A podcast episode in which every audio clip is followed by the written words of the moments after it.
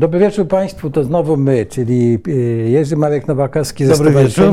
I Piotr Piotr Szczepański, wsp- Fundacja Wspierania Wsi i Wszechnica. Proszę Państwa, ostatnio y, pan ambasador Nowakowski był w teatrze na Sztuce Mrożka i dzisiaj chcielibyśmy zacząć taką krótkim klipem, żeby Państwu pokazać jedno- Aktualność, aktualność e, twórczości Mrożka. Sławomira tak, i, Mrożka. Ale nie, nie, nie będziemy, to nie jest z indyka, który ogl- To nie jest tango, ja byłem na znaczy, tangu, to nie jest indyk, tanga, ale- Jest, indyk występuje w tangu, dobrze? No ale bardziej y, na temat naszych spotkań, czyli z ambasadora. Tak, to jest z ambasadora, który zresztą spektakl można obejrzeć, jest y, osiągalny y, w, zasobach telewizji polskiej.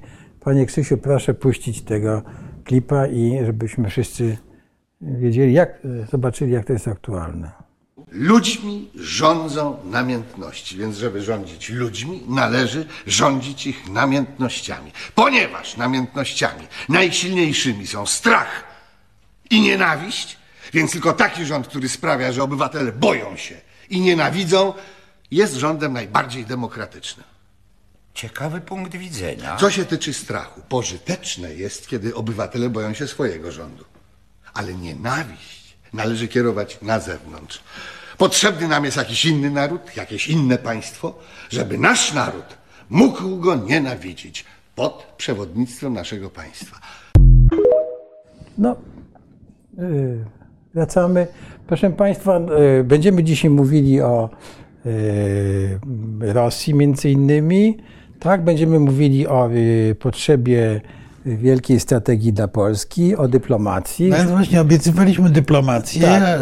Y, Mowa o dyplomacji bez y, wspomnienia o rzeczy podstawowej, czyli potrzebie posiadania wielkiej strategii, y, no jest mówieniem o narzędziu, a nie o, a nie o celu, do którego tam tego narzędzia Tak, ja się tylko używa. chciałem zwrócić uwagę, że po to puściliśmy ten klip, żeby Państwu uświadomić, że e, jak aktualna jest e, w polityce, czy w wielkich strategiach, czy w postępowaniu niektórych państw, to kierowanie nienawiści do innych, a jednocześnie połączone ze strachem w stosunku do własnych obywateli.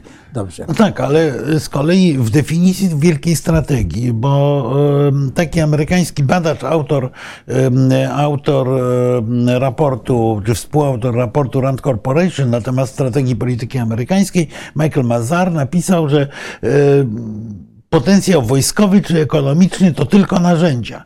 O sile państwa decyduje witalizm, siła instytucji, innowacyjność i spójność społeczna.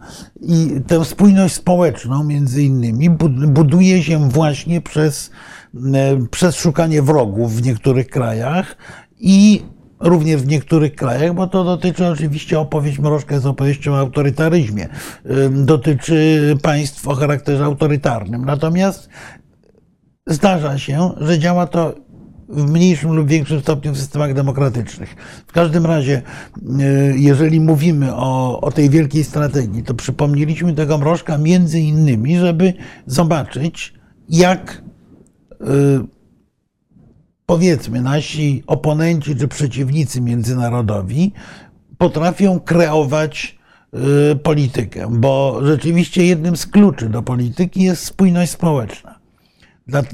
I muszę powiedzieć, że jak obiecywaliśmy, że będziemy mówili o polskiej dyplomacji o polskiej polityce zagranicznej dzisiaj, y, to mm, warto pamiętać, że z tą spójnością w Polsce jest gorzej niż źle.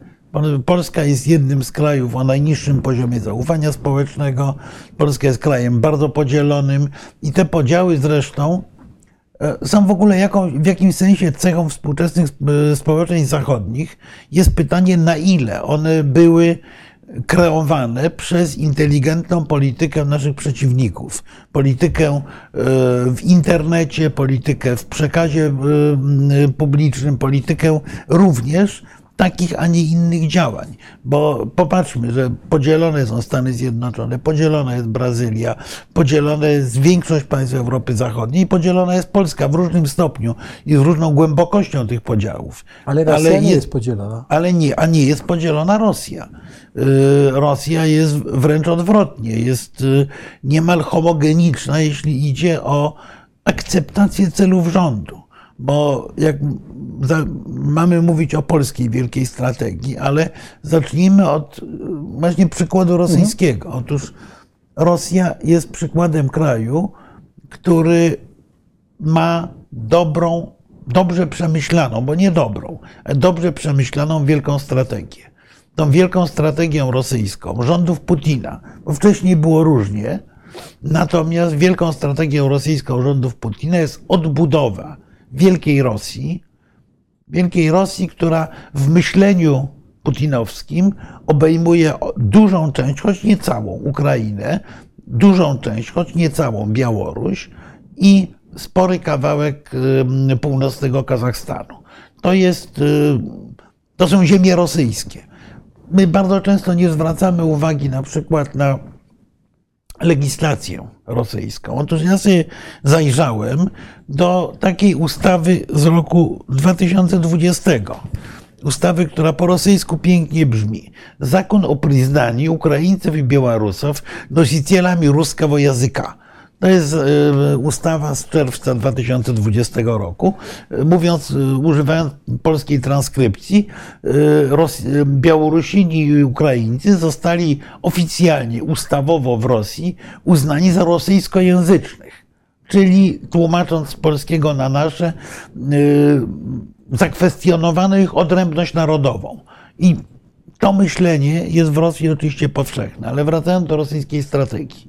Otóż myślenie Władimira Putina, myślenie ludzi z jego kręgu jest takie, że musimy zrealizować testament carów, odbudować Wielką Rosję.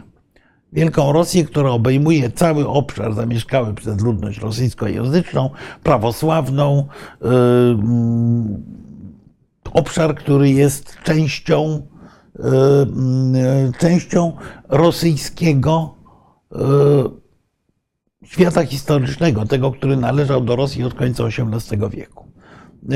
To oznacza, że oczywiście Rosja by z zachwytem przyjęła, gdyby Węgrzy, Polacy, Rumuni odgryźli sobie tam jakieś kawałeczki tych Ukrainy, czy, czy Mołdawii, czy Białorusi, bo to by dodatkowo umocniło. Wzięli udział, że tak powiem, w tym. Wzię, tak, wzięli udział w jakimś kolejnym rozbiorze tych krajów a Rosja zapanowałaby nad całą resztą, bo jest to przecież historyczne, historyczna ziemia rosyjska.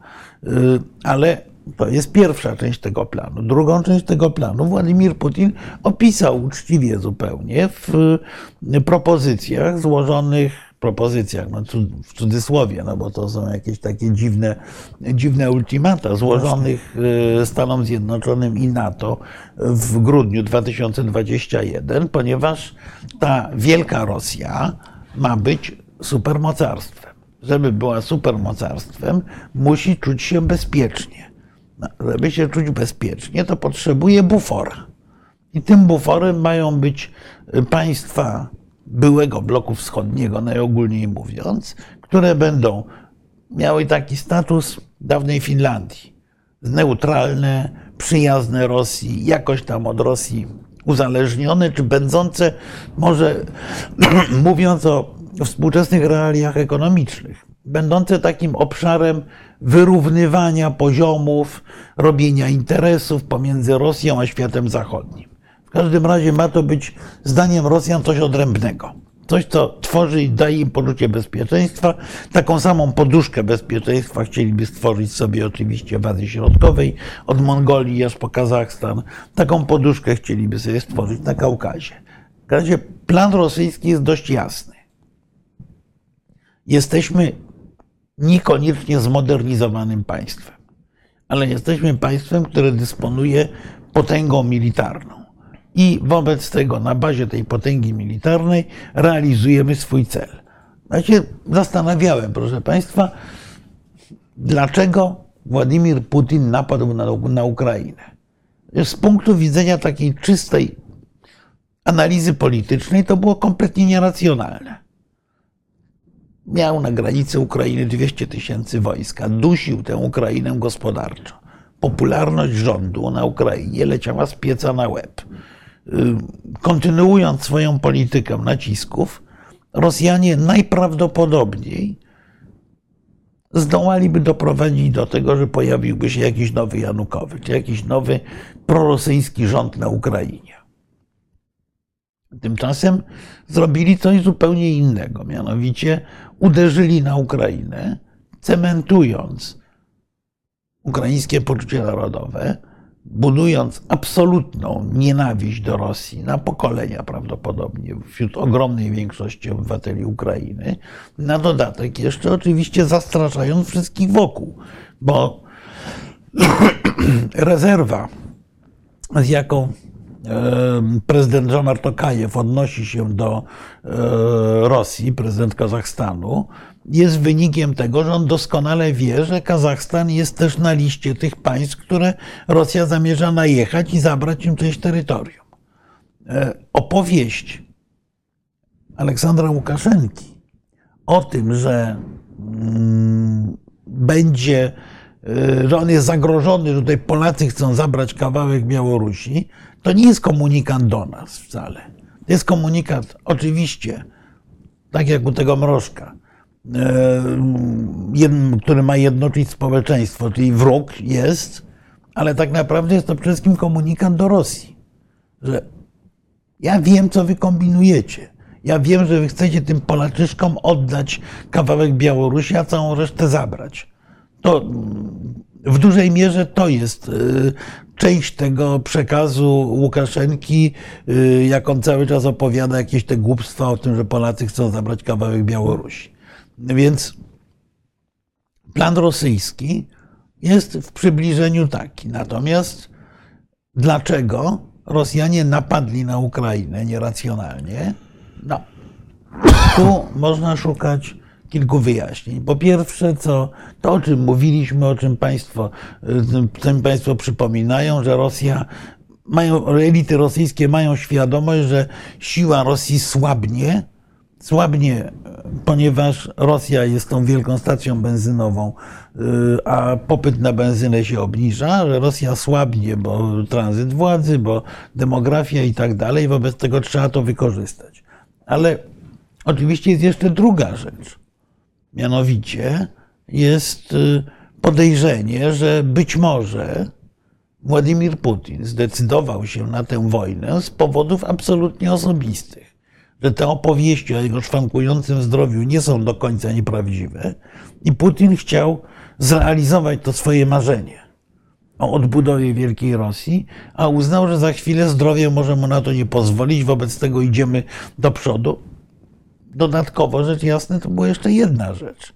Otóż on był, jak bardzo często bywa w krajach zarządzanych autorytarnie, on był źle poinformowany.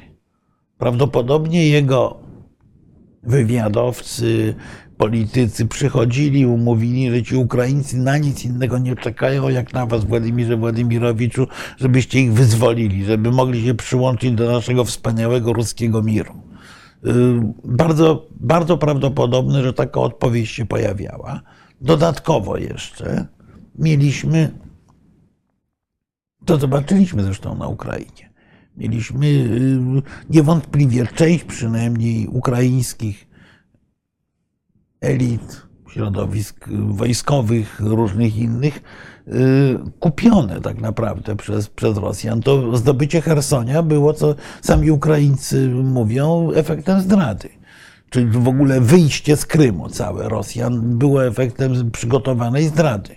Wobec tego Rosjanie mogli liczyć tak, że zdrajcy zdołają opanować w dużej części władzę, że Ukraińcy przywitają ich przynajmniej życzliwie, no bo, sobie, bo oni sami wie, nie, nie wierzą, że istnieje naród ukraiński, wobec tego poza tymi paskudnymi faszystami to cała reszta ich kocha, co się okazało oczywiście nieprawdą.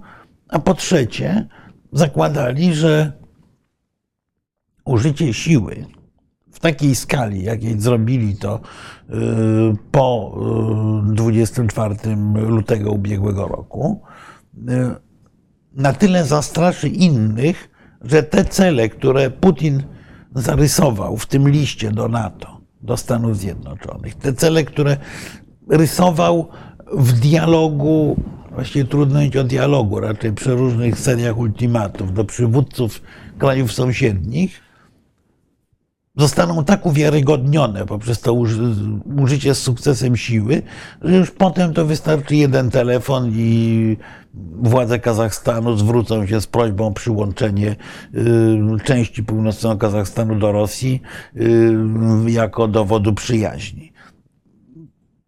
Wszystko wskazuje na to, że to była ta wielka strategia rosyjska. Rosja od początku XXI wieku przygotowywała się do tej odbudowie, do tej odbudowy y, świata wielkoruskiego.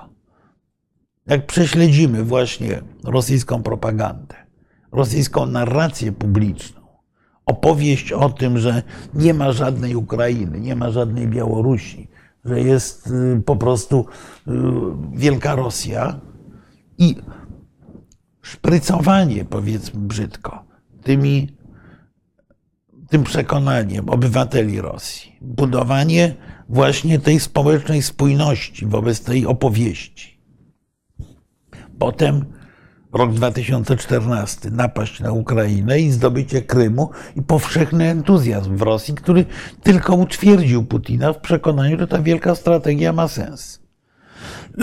Oczywiście opór Ukrainy, to, że Rosja wdepnęła w długotrwałą wojnę, pokazują, e, że e, no, ten pomysł był dość dyskusyjny, że ten pomysł nie był zakorzeniony w realnym oglądzie sytuacji.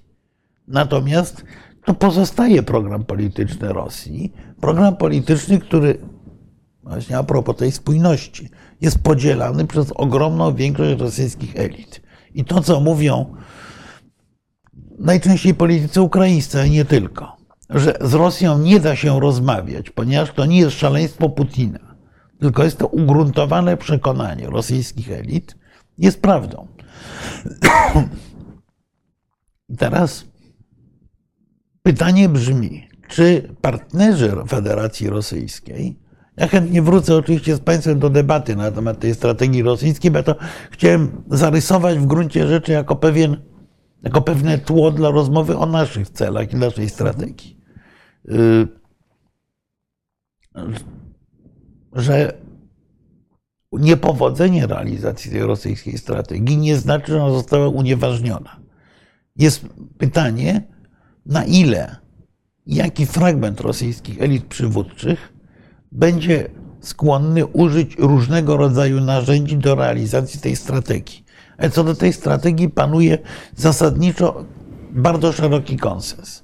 Nawet w części środowisk demokratycznych, chociaż te po, w wyniku represji, w wyniku wojny, w wyniku no, istotnej zmiany społecznej w Rosji, bo Rosja ewoluuje w kierunku totalitarnym po prostu ponownie część elit opozycyjnych zaczęła się zastanawiać, ten konsens był na pewno uzasadniony, ten konsens Wielkiej Rosji.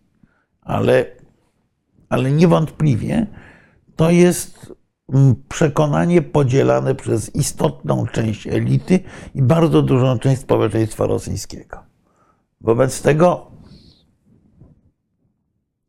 pytanie, jak sąsiedzi odpowiadają na ten, na ten projekt.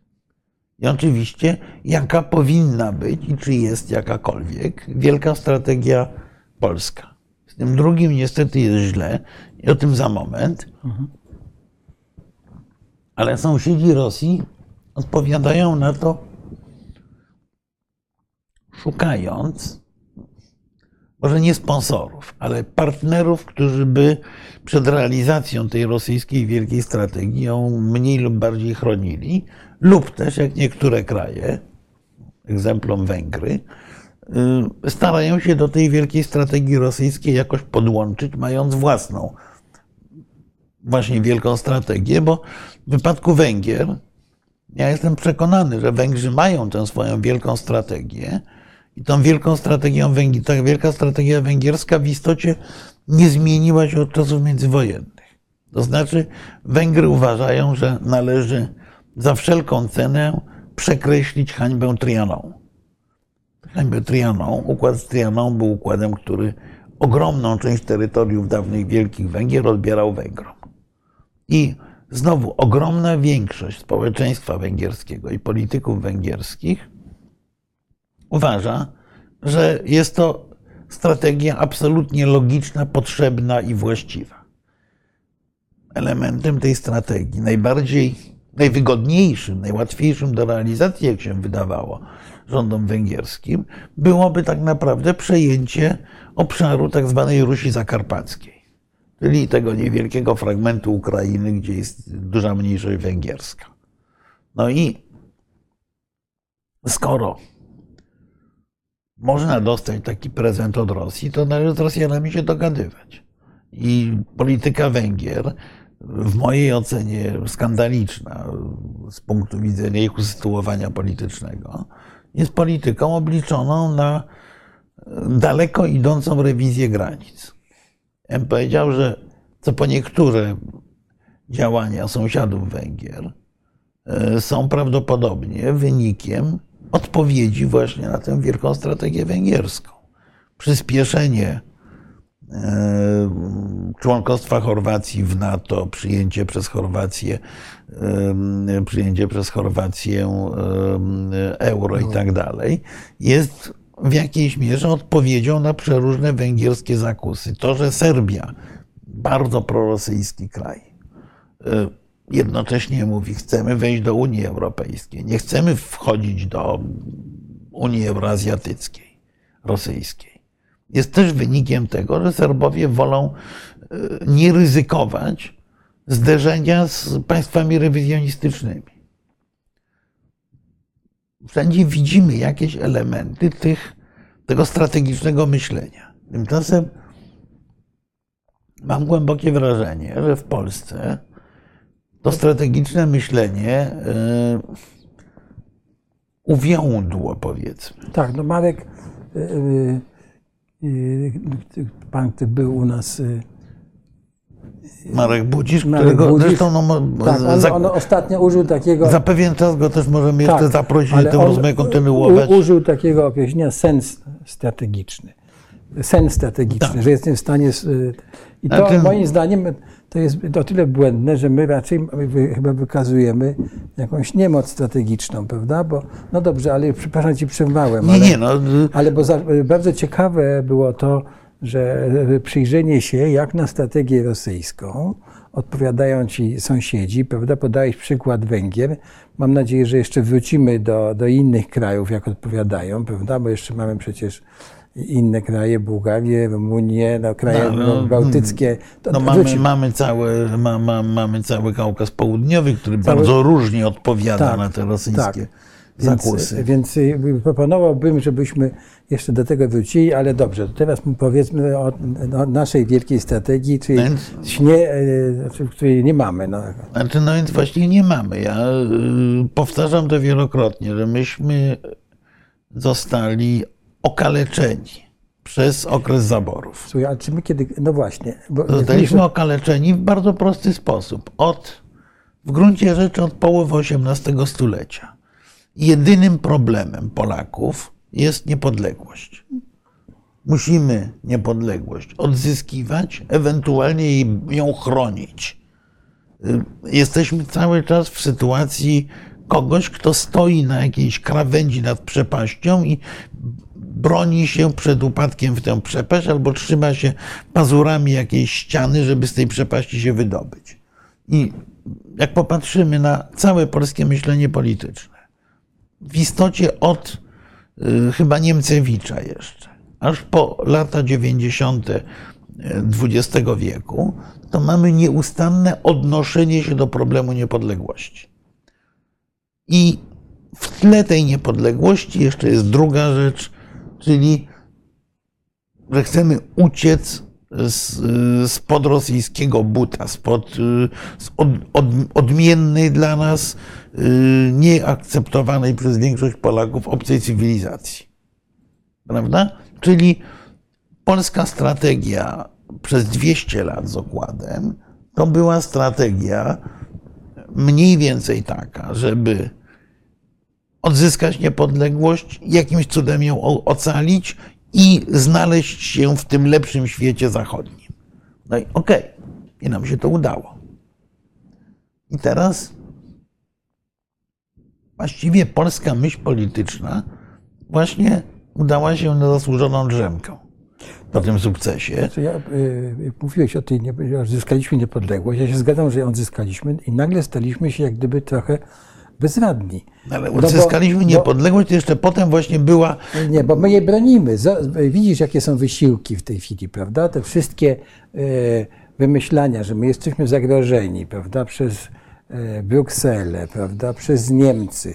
Czy to nie jest taka potrzeba obrony tej, e, jakaś, jakaś oczywiście zupełnie obłędna, ale czy nie jest to potrzeba takiej obrony tej nie, nie, niepodległości? Nie, to jest, y, to, to jest y, zamiast. Zamiast strategii, zamiast planu politycznego, y, to jest cały czas wracanie do, wracanie do znanych kolei. Czyli To w- niemoc. To w tych, nie, drzemka właśnie taka, to, to, to co Marek napisał jest mm, sensowne, sens strategiczny.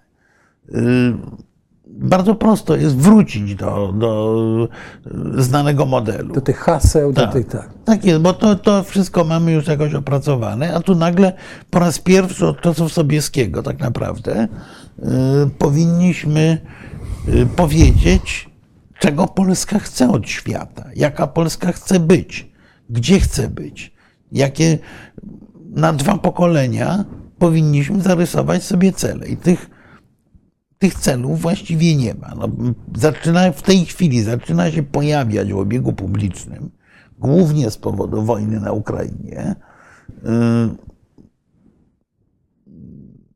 wizja odbudowy I Rzeczpospolitej. W gruncie rzeczy. No bo przecież do tego się sprowadza stwierdzenie, że powinniśmy zawrzeć Unię z Ukrainą. No,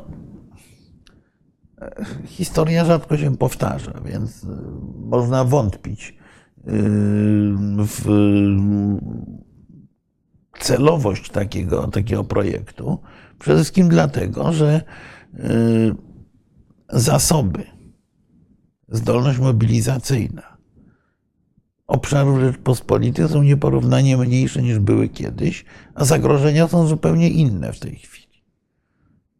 Pierwsza Rzeczpospolita y, powstawała głównie w obronie przed zagrożeniem krzyżackim i potem cementowała się w walce z zagrożeniem y, głównie tureckim. Rosja pojawiła się dość późno jako ten, y, jako ta groźba dla, y, dla, dla państwa Jagiellonów czy, czy, czy królów elekcyjnych. Ale przede wszystkim, no, nawet jeżeli przyjąć za cel odbudowę tej pierwszej Rzeczpospolitej, no to należy odpowiedzieć sobie dalej, okej, co, co jeszcze, bo istotą, y, istotą y, sensownej wielkiej strategii jest zarysowanie kręgu przyjaciół, sojuszników, którzy mają, nie lubią nas czy nie lubią, tylko którzy mają podobne interesy długofalowe, którymi powinniśmy się dogadywać i wspólnie działać i tak dalej, i tak dalej. Otóż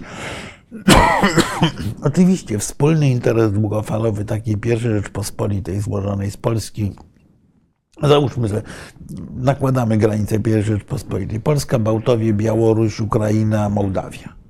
Yy, Tworzymy jakąś quasi-federację. Tylko teraz tak, od Bałtów usłyszymy, że my jesteśmy tak naprawdę no jednak bardziej w Skandynawii, bardziej w Europie Zachodniej i y, po dzikich polach hasać nie będziemy, mimo że Bałtowie się zachowują no, niezwykle sensownie wobec wojny toczonej przeciwko Ukrainie.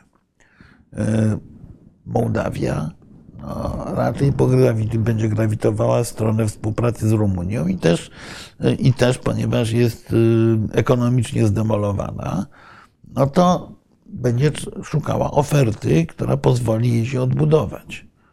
Nasza oferta, mimo niebywałego sukcesu ostatnich 30 lat i ogromnej yy, i ogromnego wzrostu możliwości ekonomicznych Polski, to pamiętajmy, że polskie PKB jest w przybliżeniu takie jak szwedzkie. No, Szwedów jest jednak trochę mniej. Że Polska y, jest wciąż gospodarczo mniejsza od Holandii, nie mówiąc o Hiszpanii czy Włoszech.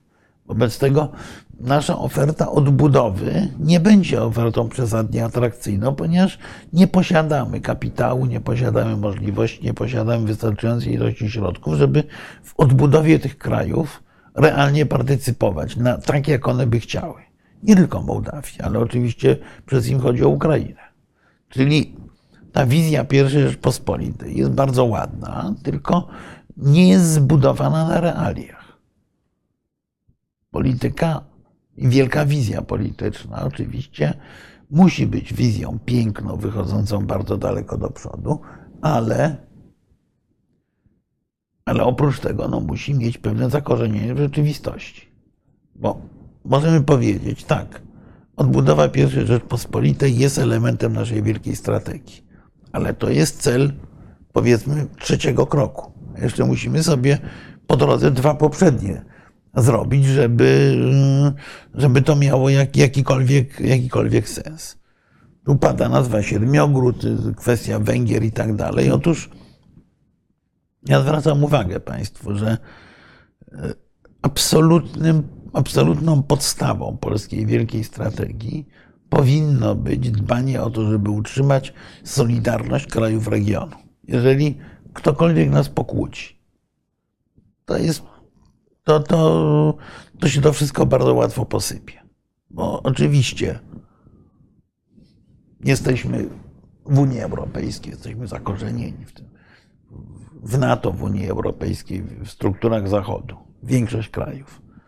Ale właśnie przykład czy Węgier, czy Turcji wskazuje, że te korzenie można dość mocno osłabić. A jeżeli od przylądka północnego do y, przynajmniej południowej granicy Bułgarii nie będziemy działali względnie solidarnie wobec zagrożeń, to to niewiele z tego wyniknie. Czyli można powiedzieć, że najpierw musimy sobie zadać pytanie o cele. Jakie chcemy, żeby Polska była krajem szanowanym, silnym, bogatym, yy, którego pozycja w świecie rośnie. Tak jak mówiłem o tym już kiedyś, myślę, że jednym z kluczowych elementów tej wielkiej strategii powinien być, powinien być cel określony w ten sposób, żeby Rosja stała się państwem euroazjatyckim, a nie europejskim, żeby Rosja przestała uczestniczyć na równych prawach w grze europejskiej. To jest to jest dość, dość, dość, oczywista, dość oczywista kwestia. Zgoda. Tylko sami, a nawet wspólnie z Ukraińcami i Bałtami tej Rosji z Europy nie wypchniemy, choćby dlatego, że kraje Zachodu e, wahają się w tej chwili, czy dążyć do wznowienia dialogu z Rosją, czy dążyć do właśnie pozbycia się Rosji z rodziny europejskiej.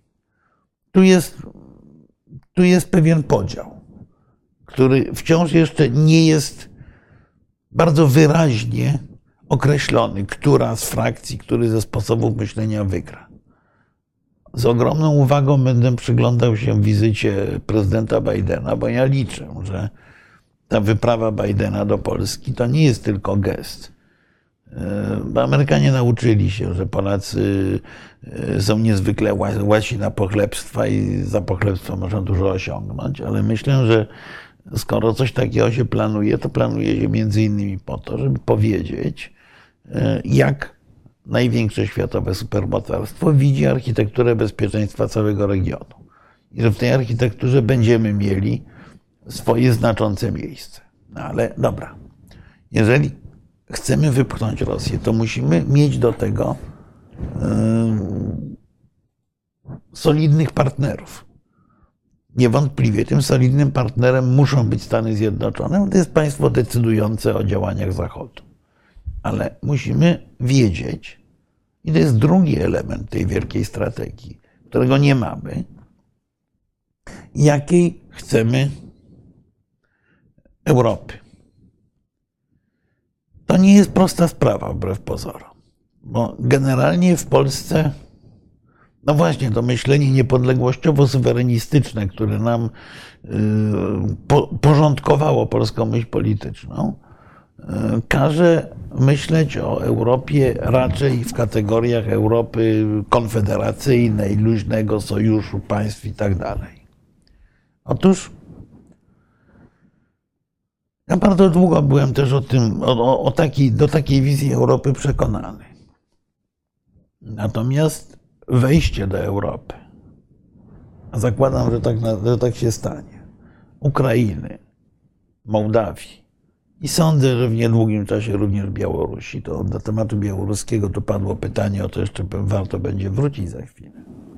Ale wejście tych krajów do Europy plus pogłębiona współpraca Polski z państwami regionu. Nie, pamiętajcie Państwo, nie polegająca na takim chodzeniu po, po własnym pokoju i krzyczeniu jesteśmy liderem, tylko na realnym uznaniu roli Polski jako kraju, który może w naturalny sposób w wielu kwestiach, nie we wszystkich, przewodzić regionowi. Wobec tego e, nagle ten obraz Europy staje się trochę inny, bo ta Federacja Europejska, Stany Zjednoczone Europy, jak zwał, tak zwał, którymi nas straszono, że będą niemieckie, nagle mogą wyglądać zupełnie inaczej.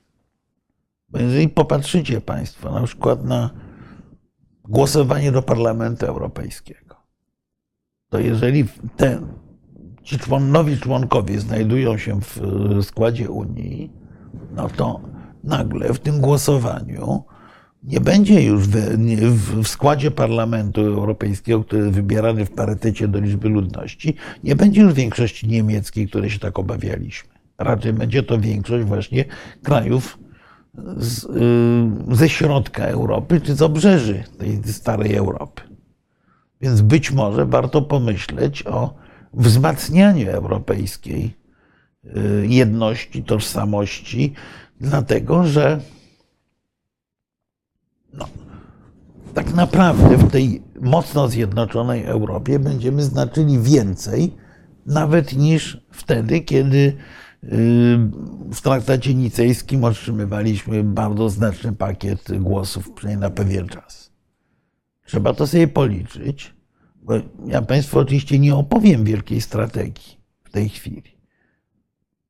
Wielką strategię powinny wypracować nieistniejące tak naprawdę, a konieczne w Polsce think tanki, różne środowiska prowadzące debatę o przyszłości Polski, rzucające pomysły, czasami tę debatę prowadzące bardzo publicznie, czasami w zamkniętych gronach, ale powinniśmy w tej chwili, nie patrząc tak naprawdę na afiliacje partyjne, a to jest problem, szczególnie w roku wyborczym, namówić wszystkich ludzi, którzy rozsądnie myślą o polskiej polityce, żeby rozpoczęli dyskusję o tej wielkiej strategii, a potem może i za późno. Żeby rozpoczęli dyskusję o tym, jakie powinny być strategiczne cele Polski na najbliższe dwa pokolenia. Bo jak Państwo spojrzą na tę debatę, która się toczy w tej chwili, to co Państwo zobaczycie? To powinien sobie kupić czołgi, patrioty, yy, nie wiem, ograbić Niemców, pogonić ruskich. To są różne takie ładne hasła. Tylko te hasła należy obudować w instrumentarium polityczne. Powiedzieć, jak, jakich narzędzi, jakich dróg użyć, gdzie, gdzie szukać sojuszników, gdzie mieć wrogów, nie tych wrogów z tego mrożkowego sketchu, y, fragmentu mrożka, y, którym będziemy straszyć naród, żeby go scementować, bo to bardzo ładnie nam wychodzi, tylko tych przyjaciół i tych wrogów, którzy mają zbieżne lub sprzeczne z nami interesy. Od tego są specjaliści, od tego są analitycy, od tego są politycy, żeby taką analizę przeprowadzić. Ale żeby wiedzieć, kto ma, ma zbieżne lub sprzeczne z nami interesy, to najpierw te interesy musimy opisać. No na razie z tym bywa różnie. No ja muszę powiedzieć, że ja z przerażeniem y, przyglądałem się y, różnym takiej sinusoidzie relacji polsko-chińskich. Opowieści, a tu się przyjaźnimy z Chinami. Chiny to wielka szansa. Chiny nam zbudują yy, centralny port komunikacyjny, prawda? To się cały pojawiało nie tak dawno w dyskursie publicznym. No, jednocześnie budując całą, całe polskie bezpieczeństwo tylko na współpracy ze Stanami Zjednoczonymi dla których, no, o czym już wie dziecko w siódmej klasie szkoły podstawowej, Chiny są strategicznym przeciwnikiem. I każdy, kto się w cudzysłowie koleguje z Chinami, nie jest lubiany w Stanach Zjednoczonych. To jest elementarz. Wobec tego no, ta opowieść o Chinach była opowieścią kompletnie, mówiąc językiem niesłychanie potocznym od czapy. Ale była, była. Jak Państwo zobaczycie na opowieści kolejne o tym, kto ma być naszym strategicznym partnerem ekonomicznym, no to też ten zestaw jest, y, y, nie wiem, wzięty z, kompletnie z sufitu, albo inaczej z lektury y, nie najlepszych gazet, gdzie pojawiają się jakieś pojedyncze informacje o tym, że nie wiem, tam Azerbejdżan, Turcja, wspaniali partnerzy, tu robimy. Po czym się okazuje, że nic z tego nie ma tak naprawdę. Ta wymiana handlowa jest żadna i że nie są to dla nas żadne lokomotywy rozwoju. Znowu, zadajmy sobie pytanie, jak y, powinniśmy budować nowoczesną gospodarkę. Mówimy, że kluczem jest rozwój sytuacji w Ukrainie. Otóż Ukraina po, zakładam, zwycięskiej wojnie, bo po zwycięstwie Rosjan na Ukrainie bylibyśmy w sytuacji kraju, którym się głównie zbroić i właściwie nic więcej go nie interesuje. Co więcej, bylibyśmy w sytuacji kraju kompletnie skolonizowanego przez mocarstwa zachodnie, bo bylibyśmy za, za słabi do samodzielnej obrony wciąż. Tymczasem, jeżeli Ukraina wygrywa tę, tę wojnę, to też jest pytanie, jak daleko ta wygrana się posunie to naszym głównym zadaniem jest sensowne uczestnictwo w odbudowie Ukrainy. Uczestnicząc w odbudowie Ukrainy, możemy budować równocześnie pewne związki, tak jak to marzenie o tej federacji, o I Rzeczpospolitej, to odbudowa Ukrainy stwarza nam instrument, żeby krok po kroku to zbliżenie budować. Również w infrastrukturze na przykład uczestnicząc, nie wiem, w przebudowie kolei ukraińskich na koleje normalnotorowe. Wtedy Polska jest głównym szlakiem transportowym. Myśląc o tym, jak powinny wyglądać korytarze transportowe drogowe. E, wspierając nasz średni biznes, bo zapomnijmy o dużym. Duży biznes Y, przegra w konkurencji z Niemcami, Francuzami, Włochami, y, Japończykami czy Amerykanami.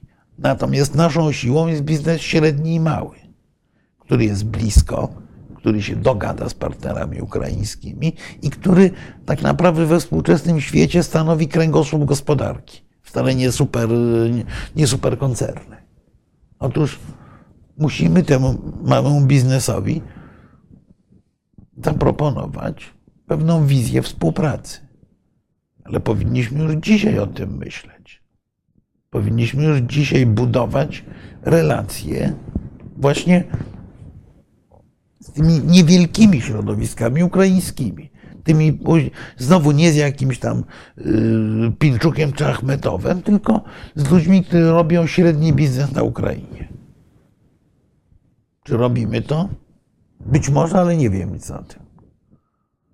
I tak dalej, i tak dalej. No, mamy gigantyczną pracę do wykonania tylko w odniesieniu do Ukrainy. Ale przecież powinniśmy myśleć dalej o, o tym wyrzucaniu Rosji z Europy. Bo jej nie wyrzucimy, jeżeli nie przekonamy naszych partnerów w Berlinie przede wszystkim i Paryżu, ale również innych, do tego, że Rosja jest, yy, że Rosja jest toksyczna dla Europy. I to nie powinien być polski premier, który będzie wyjeżdżał gdzieś i mówił, że wy paskudy tutaj współpracujecie z Rosją, a trzeba ją odciąć, po czym wyjmują mu na to papiery, że największym importerem rosyjskiej ropy jest Polska, bo taka jest w tej Tak, chwili tak, prawda. Tylko to wymaga dużo dłuższej, dużo subtelniejszej pracy. Czegoś, czego nie ma w polskiej dyplomacji, a co być powinno, a właściwie musi. Czyli połączenia różnych czynników. To powinny być właśnie przekazy z dziedziny kultury, pokazujące o tej, to, pokazujące tę toksyczność kultury rosyjskiej, czy sprzeczność kultury rosyjskiej z, z modelem europejskim. To powinny być y, przeróżne sympozja, współpraca naukowa. To powinny być działania z zakresu współpracy izb gospodarczych, też wskazujących, że Rosja nie jest partnerem, który w sposób zdrowy wpływa na gospodarkę europejską. My cały czas wracamy do tego myślenia, aha, tania, tani gaz, tania ropa z Rosji była elementem europejskiej prosperity lat 80., 70., czy przede wszystkim 80., 90. Teoretycznie tak, ale popatrzmy z drugiej strony na ten obrazek. Otóż rosyjski biznes, czy współpraca z rosyjskim biznesem zaowocowała pewnie jeszcze bardzo mało opisanym skorumpowaniem dużej części europejskich elit. Jak oglądałem te przeróżne drużyny piłkarskie z Lago Gazpromu czy, czy innych rosyjskich firm, to tak sobie myślałem, no ile w tym jest elementu korupcyjnego, takiego samego, jak walizki yy, kruszcu przywożone przez rosyjskich ambasadorów w XVIII wieku za czasów Piotra czy Katarzyny. Dokładnie tak samo się działo. Otóż my mamy potencjał, żeby to w sposób inteligentny Europie opowiadać. Ale wymaga to właśnie prawdziwej dyplomacji. Wymaga to posiadania prawdziwej dyplomacji, nie dyplomacji w stylu Chruszczowa, takiej, która przychodzi i wali butem w pulpit, tylko dyplomacji, która potrafi używać delikatnych, dyskretnych narzędzi wpływu. Mieliśmy mówić o dyplomacji. Dlatego ja przypomnę rzecz jedną. Istotą nowoczesnej dyplomacji jest przede wszystkim praca, bym powiedział, o charakterze agencji PR-owej yy, firmy o nazwie Rzeczpospolita Polska. Dlatego, że ogromna część e, decyzji politycznych we współczesnym świecie jest podejmowana w bezpośrednim kontakcie między rządami, liderami i tak dalej. Natomiast dyplomaci mają za zadanie tkać taką dyskretną a za to silną sieć powiązań z lokalnymi elitami poszczególnych krajów, w których służą. To jest w tej chwili główne zadanie dyplomacji. Polska dyplomacja, zamiast tupać głośno w różnych miejscach, powinna tę pracę wykonywać. Jeżeli mówimy o zadaniach polskiej dyplomacji, ja bym powiedział, że myśmy powinni docierać przede wszystkim w krajach Zachodu, ale dalece nie tylko do różnych środowisk właśnie z naszą opowieścią, z naszą narracją o, o tym, jak powinna wyglądać polityka europejska. Jak, jaka powinna być naszym zdaniem, ale nie tylko naszym, bo my musimy mieć za sobą, wtedy kiedy mówimy takie rzeczy, kiedy snujemy tę opowieść, musimy mieć za sobą Szwedów, Rumunów, Czechów, to znowu to nie jest. To nie jest tak, że, że wystawia się sztukę w, na jednym bardzo dobrym teatrze w Nowym Jorku i osiągnęło się sukces. Nie. To jest permanentna, długotrwała praca. To jest zapraszanie do polskiej ambasady, ale również na przykład organizowanie przyjazdów osób, które rokują na przyszłość do Polski, jakiś stady tour. Na to oczywiście cały czas nie ma pieniędzy, bo to jest mało efektowne. To nie jest tak, że yy, najwybitniejsi przy, przyjadą kamery CNN-u czy Foxa do Polski i pokażą, jak jest świetnie. Nie. To jest znowu budowanie na lata sieci powiązań i kontaktów. Popatrzmy na relacje polsko-białoruskie. To, co robiliśmy w latach 90., kiedy mieliśmy nie najgorzej e,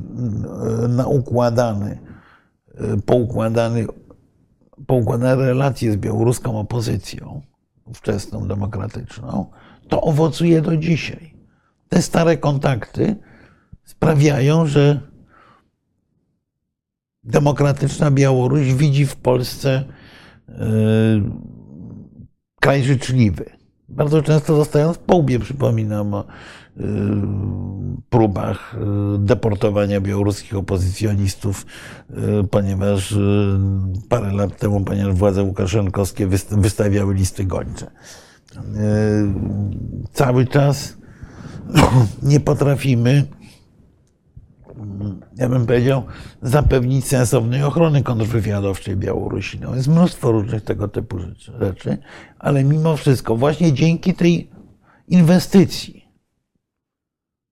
te kontakty jakoś działają. Tak samo jak świetną inwestycją jest to, co robimy teraz postaci na przykład sieci stypendiów programu Kalinowskiego, y, kontaktów z białoruskimi, y, białoruskimi młodymi elitami, które studiują w Polsce i miejmy nadzieję, że studiują po to, żeby tę wiedzę wykorzystać na Białorusi. Ale okej, okay, tylko my musimy tego typu pracę wykonywać adresowaną do bardzo wielu innych nacji przede wszystkim do partnerów na zachodzie Europy. Bo na zachodzie Europy cały czas ten stereotyp polski jest zły i niewiele robimy, żeby go poprawić. To nie chodzi tylko na to stereotyp, ale chodzi właśnie o to, że potrzebne jest nam polskie lobby. Nie jesteśmy Katarem, czy innym, czy, czy, czy, czy, innym państwem arabskim, które może rzucić wielkie pieniądze i sobie kupić lobbystów. Natomiast jesteśmy krajem na tyle interesującym, że możemy poprzez współpracę stypendialną, poprzez współpracę merytoryczną, współpracę naukową takie lobby zbudować. Zresztą dużo lepsze niż lobby kupowane, tak najczęściej. Ja pamiętam na seminarium doktorskim przed laty jeden z kolegów pracował nad e, doktoratem o polskich wpływach na Słowację. I co się okazało? E, Profesor Semkowicz w Krakowie przy wsparciu polskiego MSZ-u prowadził akcję stypendialną dla Słowaków. Skala była bardzo niewielka, to było kilkadziesiąt osób w skali wielu lat. Którzy studiowali na UJ. I okazało się, że w okresie II wojny światowej ci stypendyści byli kręgosłupem sieci kurierskiej, która y, pomiędzy okupowaną Polską a Zachodem kursowała przez Słowację. Czyli a nie, nie, oni nie byli, żeby nie było wątpliwości, to nie byli ludzie werbowani do wywiadu, czy do jakichkolwiek innych. Oni po prostu studiowali geografię historyczną, czy studiowali historię na Uniwersytecie Jagiellońskim, y, korzystając ze stypendiów y, niewielkich zresztą rządowych. Ale zbudowaliśmy bardzo solidne, nieduże, ale wpływowe lobby polskie. W ten sposób się buduje y, wpływy w długiej perspektywie. Tego też w polskim myśleniu nie ma. Nie ma skorelowania dyplomacji gospodarczej, y, kulturalnej y, z ruchem turystycznym i z celami państwa polskiego. Więc bym powiedział tak, że wielka strategia Polski musi obejmować po pierwsze wizję precyzyjną tego, co na wschodzie. Ja nie twierdzę, że ja mam panaceum, że ja mam genialny pomysł, który wszyscy muszą skopiować. Moim zdaniem tym celem na wschodzie powinno być po pierwsze odepchnięcie Rosji poza Europę, po drugie wprowadzenie do Europy na równych prawach Białorusi, Ukrainy, Mołdawii. Jest to cel na, na przynajmniej półtorej dekady niesłychanie trudny. Żeby ten cel realizować sensownie, musimy mieć, co jest jeszcze trudniejsze, własną wizję Europy. I znowu ja nie twierdzę, że my potrafimy Europę do tej wizji przekonać. Natomiast powinniśmy ją trzymać na stole i to, co dzieje się wewnątrz Unii Europejskiej, te tendencje, te zmiany, porównywać do tego szablonu tej Europy, jaką chcemy. Czy Europa idzie w dobrą stronę, czy złą, gdzie można działać, gdzie można przeciwdziałać. Po trzecie, budując tę wielką strategię, musimy wiedzieć, w jaki sposób, a to jest życiowo ważne dla Polski, utrzymać ten kruchy most, który jest przerzucony przez Atlantyk. Stany Zjednoczone są fundamentem wspólnoty Zachodu. Bez Amerykanów Zachód się rozsypie i stanie się y, taką, takim zbiorowiskiem bil bilardowych, które inne mocarstwa będą biły w, różne strony, żeby je dostarczyć w sobie istotny, istotny obszar. E, oczywiście to jest jeszcze za mało, bo my na przykład Polsce nie mamy w ogóle jakiejkolwiek polityki wobec Afryki, Ameryki Południowej, dużej części Azji. Czyli tych obszarów, które są po pierwsze obszarami, z których płyną surowce, a po drugie obszarami, z których płynie imigracja. A po trzecie wreszcie obszarami, gdzie będzie się rozgrywało bardzo wiele tak zwanych konfliktów zastępczych. Stawiam dobre wino temu, kto mi powie, jakie są cele państwa polskiego w Afryce. Czego my chcemy od tej Afryki w ogóle? Bo ja nie wiem. Ja wiem, że powinniśmy z częścią krajów afrykańskich znowu na spółkę z przyjaciółmi. Nie wiem, którymi. Ja nie twierdzę, że muszą to być Niemcy. Z przyjaciółmi powinniśmy zarzucać kotwice w kilku punktach Afryki. Kotwice, które pozwolą nam y, jakiś lit, argon, czy Bóg wie co jeszcze pozyskiwać wtedy, kiedy on będzie nam potrzebny. I jednocześnie, gdzie będziemy mogli zainwestować pieniądze, żeby rozmnażająca się w tempie ekspresowym Afryka nie, nie, nie przyjechała do nas, bo na razie, bo, bo, bo nie jesteśmy gotowi jako Polska i Europa na, na, na tąpnięcie demograficzne y, związane z ogromną imigracją potencjalną z krajów afrykańskich. Więc tu cała ta, cała ta układanka wymaga dwóch rzeczy. Tutaj zaczynamy, zaczynają się schody. Ta układanka wy, wymaga tego, żeby w społeczeństwie polskim e, zaistniał minimalny choćby konsensus dotyczący celów strategicznych państwa. Znaczy, żeby obywatele nie uważali, że rozmowa, ja wiem, o Etiopii czy yy, Zambii czy czymkolwiek innym. To jest, to, to, to jest jakieś szaleństwo yy, pijanych dyplomatów, tylko że rozmawiamy o czymś serio, nie mówiąc już o tych właśnie najbliższych, bardzo strategicznych celach. A druga rzecz jest jeszcze trudniejsza. Mianowicie doprowadzenia do sytuacji, w której elita polityczna jest w stanie wyjąć poza nawias bez bieżących sporów kwestię tej właśnie wielkiej strategii. Bo wielka strategia tylko wtedy ma sens. Przypominam ten cytat, który przywoływałem e, przed chwilą, że e, spójność społeczna innowacyjność społeczeństwa są warunkiem ważniejszym niż siła militarna czy ekonomiczna w budowaniu międzynarodowej siły państwa. Otóż w tych, w tych punktach jesteśmy, delikatnie mówiąc, jeszcze słabsi niż, niż w kwestiach militarnych. I do tego, żeby taką wielką strategię móc w jakikolwiek sposób oprawić, są potrzebne dwie rzeczy.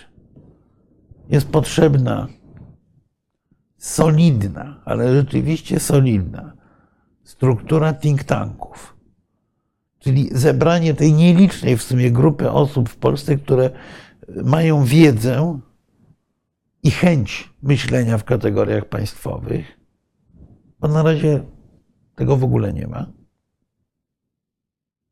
Ci ludzie poruszają się jak wolne elektrony w różnych miejscach, najczęściej niestety za pieniądze zagraniczne. A drugi element to jest odbudowanie polskiej dyplomacji. Stworzenie prawdziwej służby dyplomatycznej, która nie traktuje dyplomacji jako e, paradowania we fraku na przyjęciach narodowych, tylko właśnie nieustannie buduje sieć kontaktów. To jest znowu rzecz, która bardzo osłabła.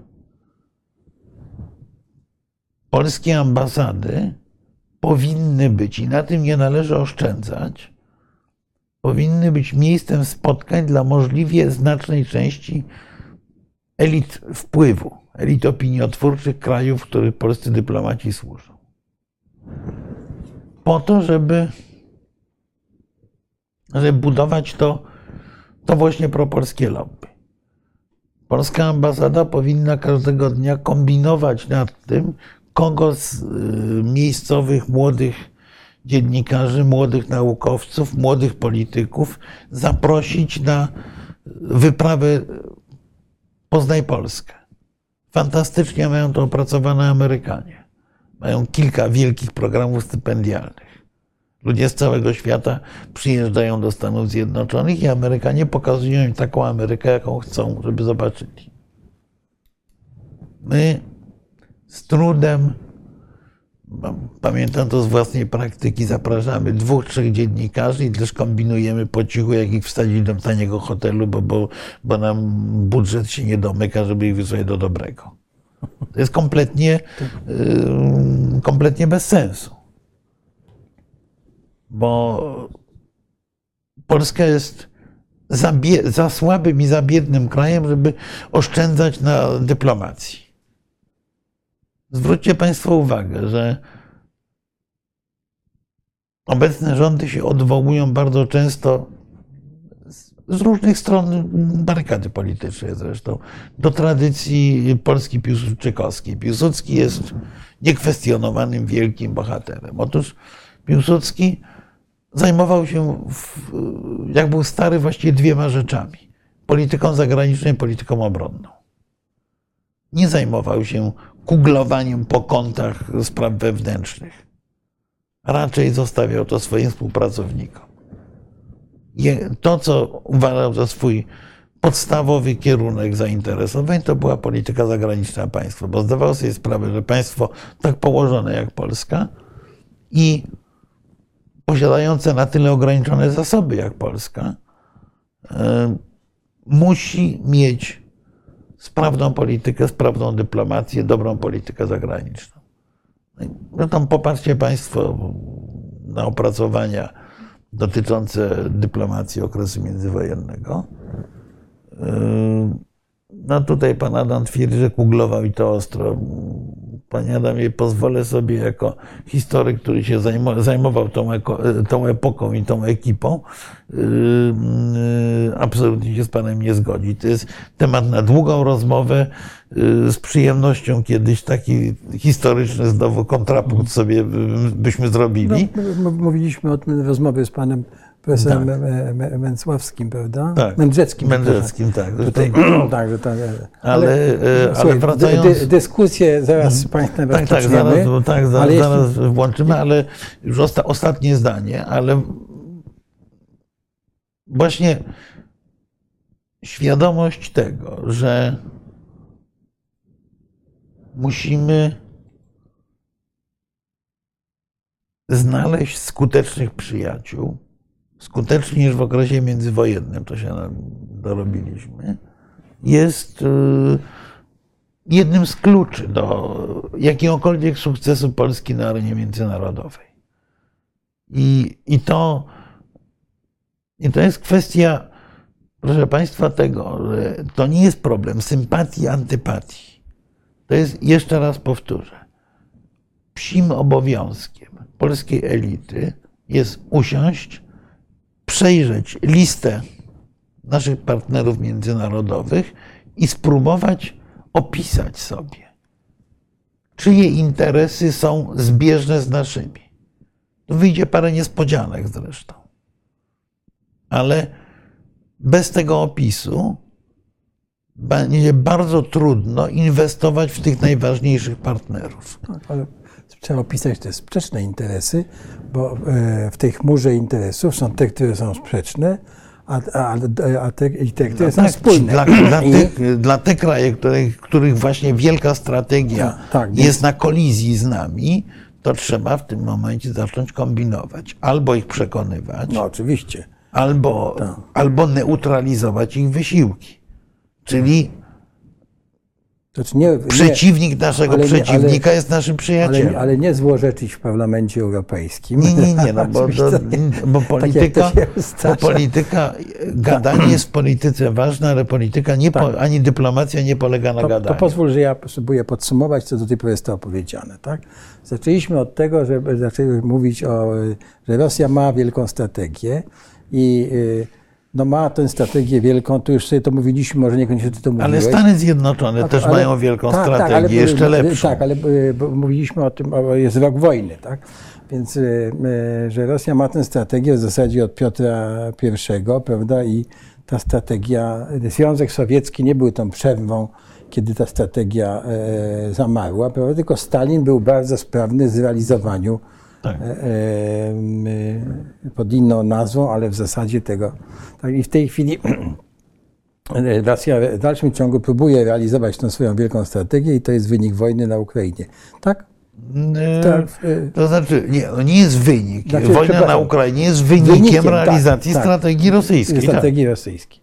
Dobrze, teraz jeśli chodzi o strategię polską, to zaznaczyłeś ki- takie kierunki, prawda, jedna to jest Rosja, prawda, jako e, to, że ma się znaleźć, być jak gdyby wyparta z Europy, ma się Tak, znaleźć, bo, tak? bo Rosja była dla Europy toksyczna. Tak. Zwróć uwagę, że Europa składa się z państw o podobnych rozmiarach, najistotniejsze państwa europejskie, które dość skutecznie przez kilkaset lat ze sobą rywalizowały, toczyły wojny, ale, ale było to, były to konflikty w jakiejś, w jakiejś mierze, bardzo w jakiejś mierze w rodzinie.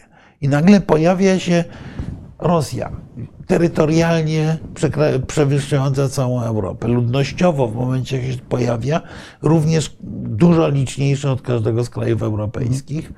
Rosja rządzona zupełnie innym modelem władzy niż Europa. Rosja wyznająca inne wyznanie niż Europa. Tak. To, Y, I ta Rosja jednocześnie jest zarządzana przez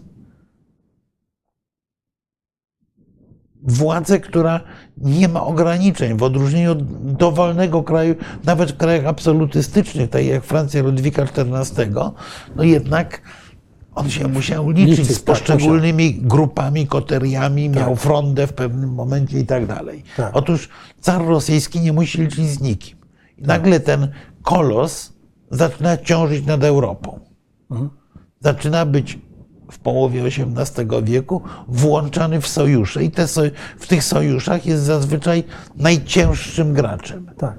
No, Nawet, nawet Wielka Brytania, która jest wtedy za, zaczyna wchodzić na te wysokie obroty imperialne, no jest wojskowo, logist... słabsze od Rosji. tak, ale- A jeszcze ta Rosja na dodatek nie ma skrupułów w korumpowaniu elit. tak, znaczy, by- To, co przecież Katarzyna robiła, kupując pół, pół y, światłego Paryża, no, to jest y, wzór, który, z którego dzisiaj korzysta Putin. Więc ta Rosja zainfekowała Europę. Europa, ja bym powiedział tak, Europa poszła w imperializm kolonialny między innymi, dlatego, że nie mogła sobie poradzić ciężarem Rosji. I Rosja, ciążąc nad Europą, popychała Europę w, kierunku, w, w kierunku niszczących ją konfliktów od wojen napoleońskich czyli- poczynając. Czyli w tym myśleniu, znaczy tej naszej strategii, Rosja jest tym, tym punktem, to jest, to jest jeden, jeden element, co tu powiedzieć. I to jeszcze teraz uzupełniłeś. I ja rozumiem jeszcze, że tutaj się pojawia koncepcja regionu, tak? Czyli, że my po prostu musimy, yy, biorąc pod uwagę to zagrożenie rosyjskie, być może odpowiedzią na to w tej naszej strategii powinno być zbudowanie silnych związków w regionie. Tak? No to sojusznikami w wypychaniu Rosji tak. mogą być wszyscy od Norwegów po Bułgarów, Tak. bo wszyscy generalnie mają świadomość właśnie tego, że, mają- i że mają- będzie lepiej, jak będzie bez mają, Rosji. mają doświadczenie. Tak. Mhm. Znaczy mają doświadczenia z Rosją. Prawda? I Więc będą rozumieli mniej więcej, o czym mówimy. Tak. Następnie wskazałeś kierunek e, e, Europa. Ja rozumiem, że w tym, e, że tam są nasze interesy, że powinniśmy wiedzieć, jakiej chcemy Europy. To znaczy, ona- bez Europy y, Tak. Europa Środkowa jest za słaba. Europa zawiśnie- środkowa, tak. środkowa jest, może być istotnym, a nawet w jakimś w momencie rozstrzygającym elementem struktury europejskiej, ale Europa jest nam potrzebna jako całość. Tak, ale wiesz, patrz jakie się pojawiają szanse w tym regionie, tak? Bo mówiłeś o tych naszych związkach z Ukrainą, prawda, e, które się tak mogą e, ładnie ukształtować, ale mamy przecież, słuchaj, e, Szwecję, prawda, mamy Finlandię, która jest do zagospodarowania. No ze Szwecją mamy dobre przecież doświadczenia za czasów Bilda i, i Sikorskiego. No, i, nie no, Szwecja stała się wspólnie z Polską współtwórcą bardzo istotnego programu Partnerstwa Wschodniego. Partnerstwo Wschodnie. Mamy doświadczenie, mamy tradycję, więc patrz, co się jeszcze dzieje. Na przykład y, jeśli chodzi o, o, o Czechy, tak? Że nagle ci prezydent Czech mówi, nie, nie, to ja z, z pierwszą wiz- na, na, na, na oświadczenie Zemana, że on nie przyjdzie z pomocą wojska czeskiego. nie, nie, nie Zemana, tylko Babisza. E, e, Babisza, prawda, że nie przyjdą wojska czeskie z pomocą, to prezydent się mówi, jak to? Tak? No, generał z NATO, który rozumie, co to jest sojusz, bo brał udział w tych zdrój, mówi, Który, ro- który rozumie Sowiety, bo przeszedł, bo, bo, czy Rosję, bo przeszedł szkolenie no wywiadowcze. właśnie tak. Tak, więc zobacz, jakie się tworzą nowe szanse, a my, my śpimy po prostu. No. Nie, no to, To- to, to jest, to ale jest dobra, ale, no. następny element to jest ta e, Europa. Ale ja sobie, poza tym ja sobie wiesz, wyobrażam coś takiego, że my y, podlewarowani, bo to jest takie brzydkie słowo, ale bardzo popularne wśród ekonomistów. My podlewarowani przez y, y, współpracę regionalną Mhm. y, możemy zacząć rozmawiać z partnerami Trójkąta Weimarskiego, z Francją, Niemcami.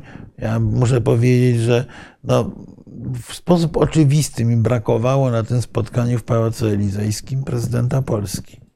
Tak. Tam, gdzie Macron Tak. i Scholz spotykali się Tak. z.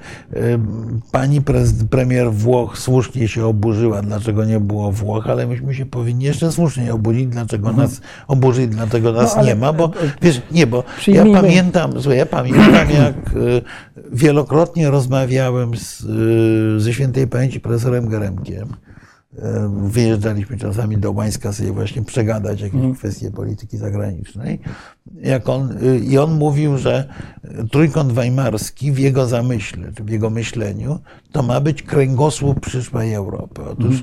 ja sobie tak pomyślałem, że gdyby profesor żył, to prawdopodobnie powiedział, że ten kręgosłup powinien być wręcz pociągnięty do Kijowa. Tak. I wtedy rzeczywiście mamy kręgosłup całej No tak, ale. Całej Europy, która- Pamiętam, że Geremek to mówił, ale e, pamiętajmy jeszcze ten obrazek, prawda, tą oś bezpieczeństwo, jaką narysował Brzmi Brzeziński, prawda, w Wielkiej Szachownicy. No. E, więc to jest naturalne kie- kie- kierunki, a teraz się stwarzają szanse na to. Więc a potem mówiłeś jeszcze o narzędziach realizacji, no to już nie będziemy powtarzać. To jest pewna dyplomacja, budowanie sieci e, think tanków, prawda, i, i, i tak dalej, i tak dalej. To znaczy, no, po, po pierwsze pomysł, po drugie y, y, oprzyrządowanie, które ten Tak. pomysł wciela w życie. Natomiast najistotniejsze w tym wszystkim jest y, obniżenie poziomu wewnętrznego konfliktu, czy wyjęcie przynajmniej polityki zagranicznej Tak. y, państwa, czy interesów strategicznych państwa z y, nawiasu wewnętrznej wojny politycznej. Tak, i y, ja po prostu, y, y, no nie wiem, ktoś, ktoś musi zacząć to robić. Znaczy, ktoś musi zacząć m- o tym mówić. Nie wiem, czy to będzie Tusk, czy ktoś inny, rozumiesz, przy tym, czy, czy Kaczyński, ale powinni naprawdę, sytuacja jest taka, że ktoś powinien zacząć o tym y, mówić. Nie, ja celowo Teraz- na przykład unikam w ogóle w tych naszych rozmowach odwoływania się do programów tej czy drugiej partii, właśnie żeby, Tak.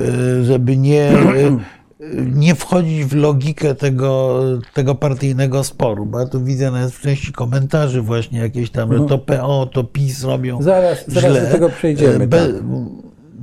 Zdajmy sobie sprawę z tego, że e, jeśli idzie o interesy międzynarodowe, nie ma PO, PiSu, PSL-u, tylko jest Rzeczpospolita Tak. Polska. To jest to Rzecz, Rzeczpospolita, ale ja sobie tylko pozwoliłem te nazwiska przywołać, że, że ktoś musi y, zacząć o tym mówić. Nie, nie wiem, co, może demonstrację trzeba urządzić, zacznijcie rozmawiać o polityce zagranicznej. Ja mówię zupełnie poważnie. Wiesz, no, wiesz tak jak e, strajk kobiet. To, to, No to- tak, no ale to... Mamy wybory, no więc Wiesz, ale to każdy de, z de, nas... de, demo, demonstracja dyplomatów wyglądałaby Ale nie, ja nie mówię- śmiesznie. ja nie mówię Na dodatek ja nie mówię. Za mało, nie, żartuję oczywiście. Ja mówię o tym, żeby obywatele zaczęli demonstrować, e, tym bardziej, że są e, wybory idą, prawda, i zaczyna, zaczyna za, powinno No się tak, za- ale zacząć młotkować ale- każdego posła, panie kochany, idziesz pan do tego Sejmu, prawda, to co, co z polityką Ale zagraniczną? obywatele są ofiarami takiego myślenia, które było w tym na, przywołanym na wstępie dialogu Mrożka. Tak, tak, są ofiarami, a w dodatku jeszcze ta narracja, że bronimy naszej niepodległości przed wyimaginowanymi wrogami, no, ci- ciągle jest kup- kupowana przez obywateli. Prawda? Ja rozumiem, nie, nie przez państwa, którzy nas słuchają oczywiście, ale, ale e, przez wielu obywateli jest, jest kupowana. Prawda? I tutaj e, częścią tej wielkiej strategii, jeśli chodzi o naszych obywateli, jest to, no, co jest y, przez wielu z nich realizowane. Tak? To jest pomoc dla tych i rodzin ukraińskich, te zbiórki prawda, dla żołnierzy, to wysyłanie żywności, to jest wszystko część Czy- proszę no, państwa, ja tej dyplomacji powiem, to jest część dyplomacji obywatelskiej. obywatelskiej, która jest niezwykle ważna. Ale po, powiedzmy sobie szczerze, no przecież z Polską by tak naprawdę nikt nie gadał. Traktowano by nas jak kompletnie drugorzędnego partnera, kraj tranzytowy, z którym trzeba oczywiście dogadać technologię, gdyby nie to nieprawdopodobne, nieprawdopodobna aktywność polskich obywateli y, we wspieraniu Ukraińców. To naprawdę nikt sobie nie zdaje sprawy, jak bardzo to zmieniło wizerunek Polski, zdemolowany głęboko w ostatnich latach, jak bardzo zmieniło to wizerunek Polski w świecie, w świecie zachodu.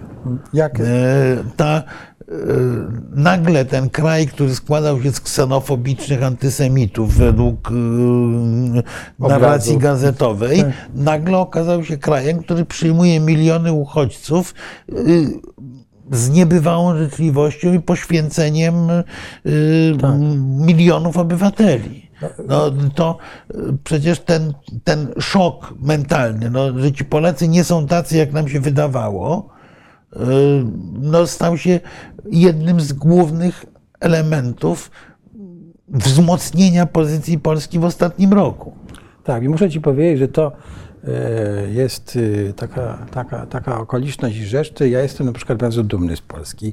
I ponieważ z racji pracy w tej fundacji mnie, mamy teraz kontakty z wieloma sołtysami, e, ponieważ mamy e, e, taką, e, musimy zorganizować spotkanie z nimi, ja się z wielu z nimi umawiam, a oni mówią mi, słuchaj, nie mogę, bo e, po południu tam jadę na spotkanie z naszymi uchodźcami, tak, których mamy tutaj trzy rodziny, tak, albo nie mogę, bo pakujemy paczki dla Ukrainy, rozumiesz? Ja I, dokładnie na, i to jest coś tak wiesz, no, wspaniałego. jak się rozejrzysz po kręgu znajomych, przyjaciół, to okazuje się, że prawie każdy jakoś tam, czasami Tak. w drobnym stopniu, czasami bardziej, był zaangażowany Tak. we wspieranie e, Ukrainy. No, no, no, No, więc to jest, jest- coś, także, coś niebywałego. Dobrze by było, żebyśmy w tym wytrwali, żebyśmy zdawali sobie sprawę, że to oczywiście to będzie wymagało poświęceń, ale no proszę Państwa, no to jesteśmy w takiej sytuacji, że naprawdę budujemy naszą, ale, to poka- naszą to, po- ale to przyszłość. pokazuje jedną rzecz, jaką siłą jest dyplomacja obywatelska. Mhm. Jak gigantyczną siłą jest dyplomacja obywatelska. Jeżeli potrafimy z naszymi obywatelami, którzy, nie wiem, podróżują za granicę przecież nieustannie, są w biznesach, są w turystyce, jeżeli potrafilibyśmy wejść w dialog, przekonać ich do tego, do tej wielkiej strategii, Tak. to, to, to jest to siła prze, przekraczająca wszystkie możliwe ambasady, instytucje, ministrów i tak, dalej. Tak jest. To, Zdecydowanie. bo, bo Polak, y, nie wiem, siadający ze swoim przyjacielem francuskim gdzieś w Normandii przy winie, będzie mu mówił, nie wiem, słuchaj, ty zagłosuj za przyjęciem Ukrainy w referendum, jak Ukraina, jak będzie referendum o przyjęciu Ukrainy do y, Unii Europejskiej. Tych Polaków jedzie, nie wiem, milion powiedzmy, z tego połowa się spotyka z jakimiś znajomymi No, francuskimi. rodziną, tak? często mają rodziny, które Tak, mieszkają. Tak. y, połowę budżetu byśmy musieli wydać na reklamy, żeby dotrzeć do takiej ilości odbiorców. Tak. Więc tak naprawdę to jest fundament. Jeszcze raz wrócę. Spójność społeczna jest głównym warunkiem sukcesu wielkiej, wielkiej strategii państwa. Tak. Słuchaj, to co? Przejdziemy teraz do pytań, bo się tych na, namnożyło, chyba że jeszcze chcielibyśmy coś e, Nie, no e, już, już prawie tak. półtorej godziny, Tak. a ja myślę, że ten taki kompaktowy czas do dwóch godzin jest, Tak, nie, bo, bo inaczej zamęczamy. to spróbujemy. e, e, Nie, bo ja przeczytałem na przykład w komentarzach pod naszą dyskusją kiedyś e, na, na, już na YouTubie, tych, tych późniejszych, że e, nasi widzowie puszczają nas na przyspieszeniu. Więc trzeba no szybciej mówić, a, całe- a krócej, żeby nie musieli tego robić. Całe szczęście, słuchaj, że, nie, że w ogóle się, y, sukces jest taki, że się nie zniechęcają, tak? Ale e, e, czasami trzeba przyspieszyć, a czasami trzeba zwolnić tempo. Na przykład ja, Tak.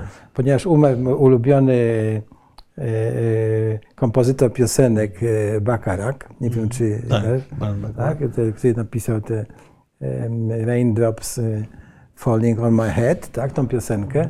Ja usiłuję się nauczyć tej piosenki, ale ona jest tak trudna, więc ja na przykład z, y, zwalniam sobie do, do 0,5 nawet, żeby y, się jej nauczyć. Tak samo, także to dobrze. Przechodzimy do, do pytań.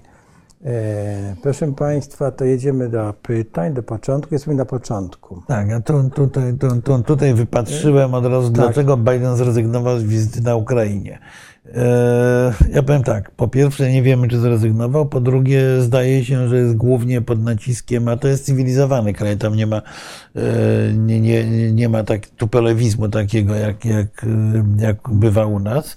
E, Zdaje się, że jego służby bezpieczeństwa po prostu uważają, że podróż na Ukrainę jest wciąż zbyt dużym ryzykiem dla prezydenta Stanów Zjednoczonych, a oni mają obowiązek dbania, żeby mu nic nie zagroziło. I to jest, to jest chyba główny, główny powód, y, dlaczego zrezygnował. Jeśli zrezygnował, bo pewności to ja bym nie miał, czy nagle jakaś modyfikacja w programie się nie pojawi.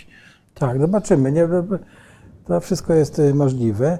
Tutaj jeden pan, y, półprzewodniki, nie ta liga, będziemy Nie, nie, to chyba to jest jakieś do, do, do wcześniejszych jakichś od- odwołań. Tak, ale e, panie Krz- Krzysztofie, czy ja jestem na początku w tej chwili?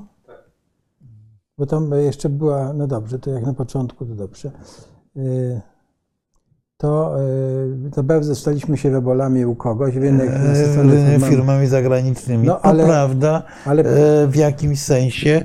Nie wiem, czy e, Night Road, mm, mm, pewnie pan jednak. e, mm, e, Nie wiem, czy, pamię- czy, czy słuchał pan naszej debaty z profesorem Mędrzeckim właśnie.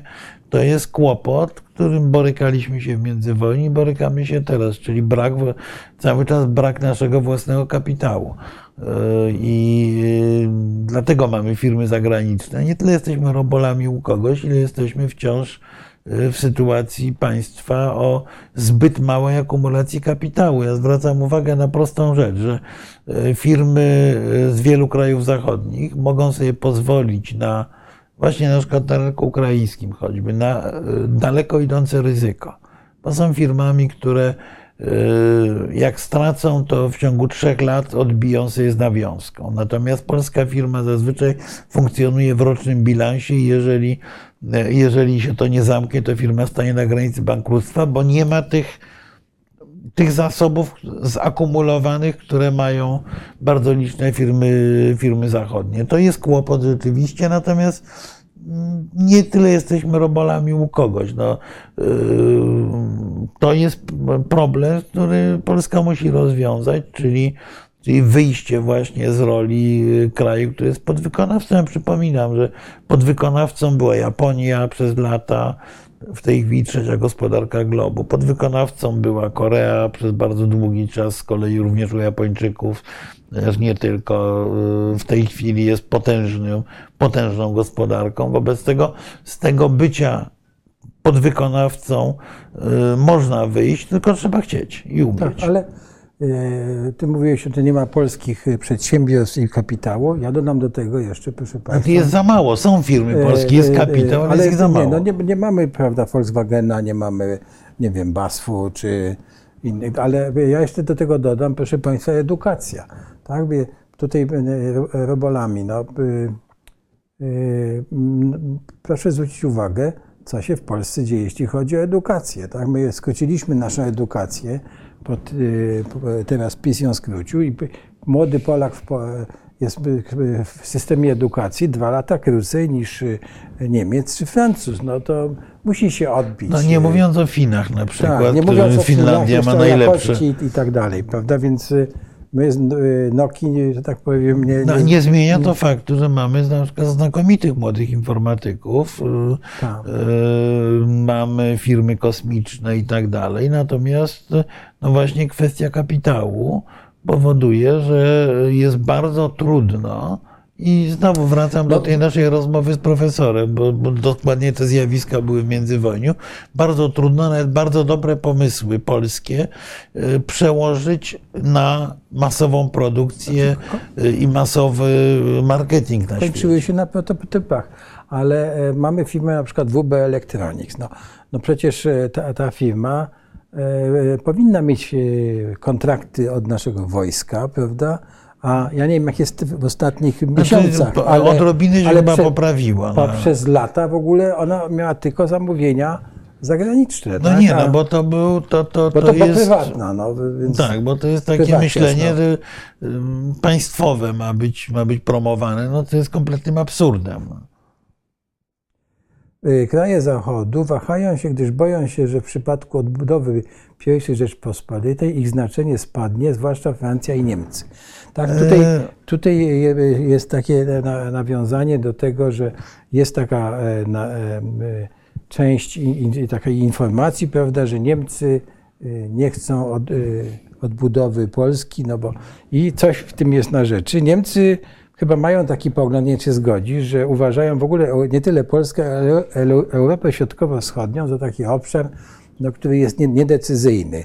No, ale nie tylko Niemcy. No, tak, no, tak, tak, naprawdę, ale- tak naprawdę ogromna część świata zachodniego rzeczywiście, a Brytyjczycy inaczej, długo nas postrzegała nas bardzo długo, nas jako region, jako kraje niecywilizowane, zacofane i tak i- dalej. I, y, No, y, wymaga to po prostu pracy nie Niemcy w sensie politycy, tylko Niemcy w sensie nie, Niemcy, Francuzi w sensie obywatele w dużej Też, części tak, tak. sądzą. Politycy niestety współcześnie są głównie tchórzami, którzy starają się mówić to, co chce słyszeć ich wyborca. Tak, ale, ale I chciałbym- tyle. Ale zwróćmy uwagę, prawda, że y, my po, po, po, potrafiliśmy postawić na swoim, prawda, jeśli chodzi o e, traktat y, z Niemcami, potrafiliśmy postawić na, na swoim, jeśli chodzi o e, ten e, rozmowy 2 plus 4, żeby było jeszcze plus 1 w niektórych ja- kwestiach. Nie, no Niemcy, Niemcy by miały, były zainteresowane w tym, żeby Polska weszła do struktur Tak. zachodnich.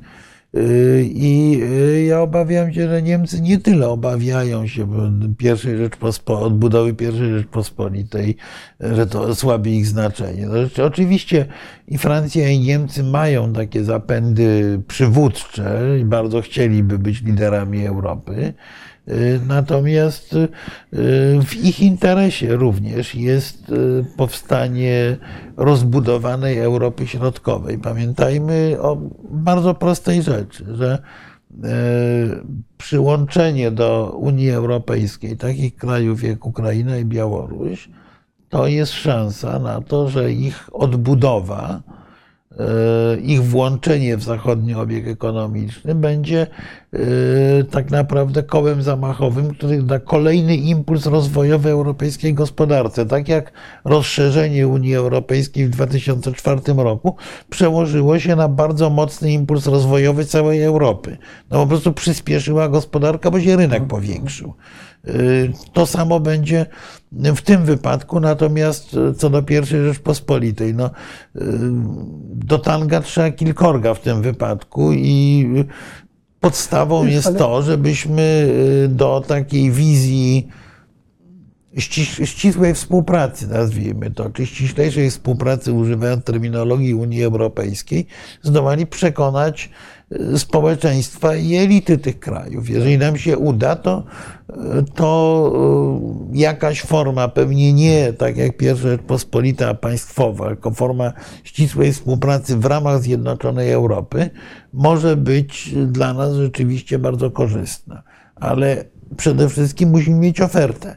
Niemcy y, w, w końcówce lat 90., kiedy wchodziliśmy do Unii i do NATO, taką ofertę dla nas miały. Tak. My musimy mieć nawet jeszcze lepszą dla sąsiadów. I tutaj wiele razy mu- zwracałeś uwagę na to, że znik... znowu odwołujemy się do, odwołuję się do historii, zniknięcie I Rzeczpospolitej tak, e, no, wywołało taką pustkę w Europie tak, i, i, i właściwie spowodowało cha- zniknięcie tego kraju spowodowało chaos.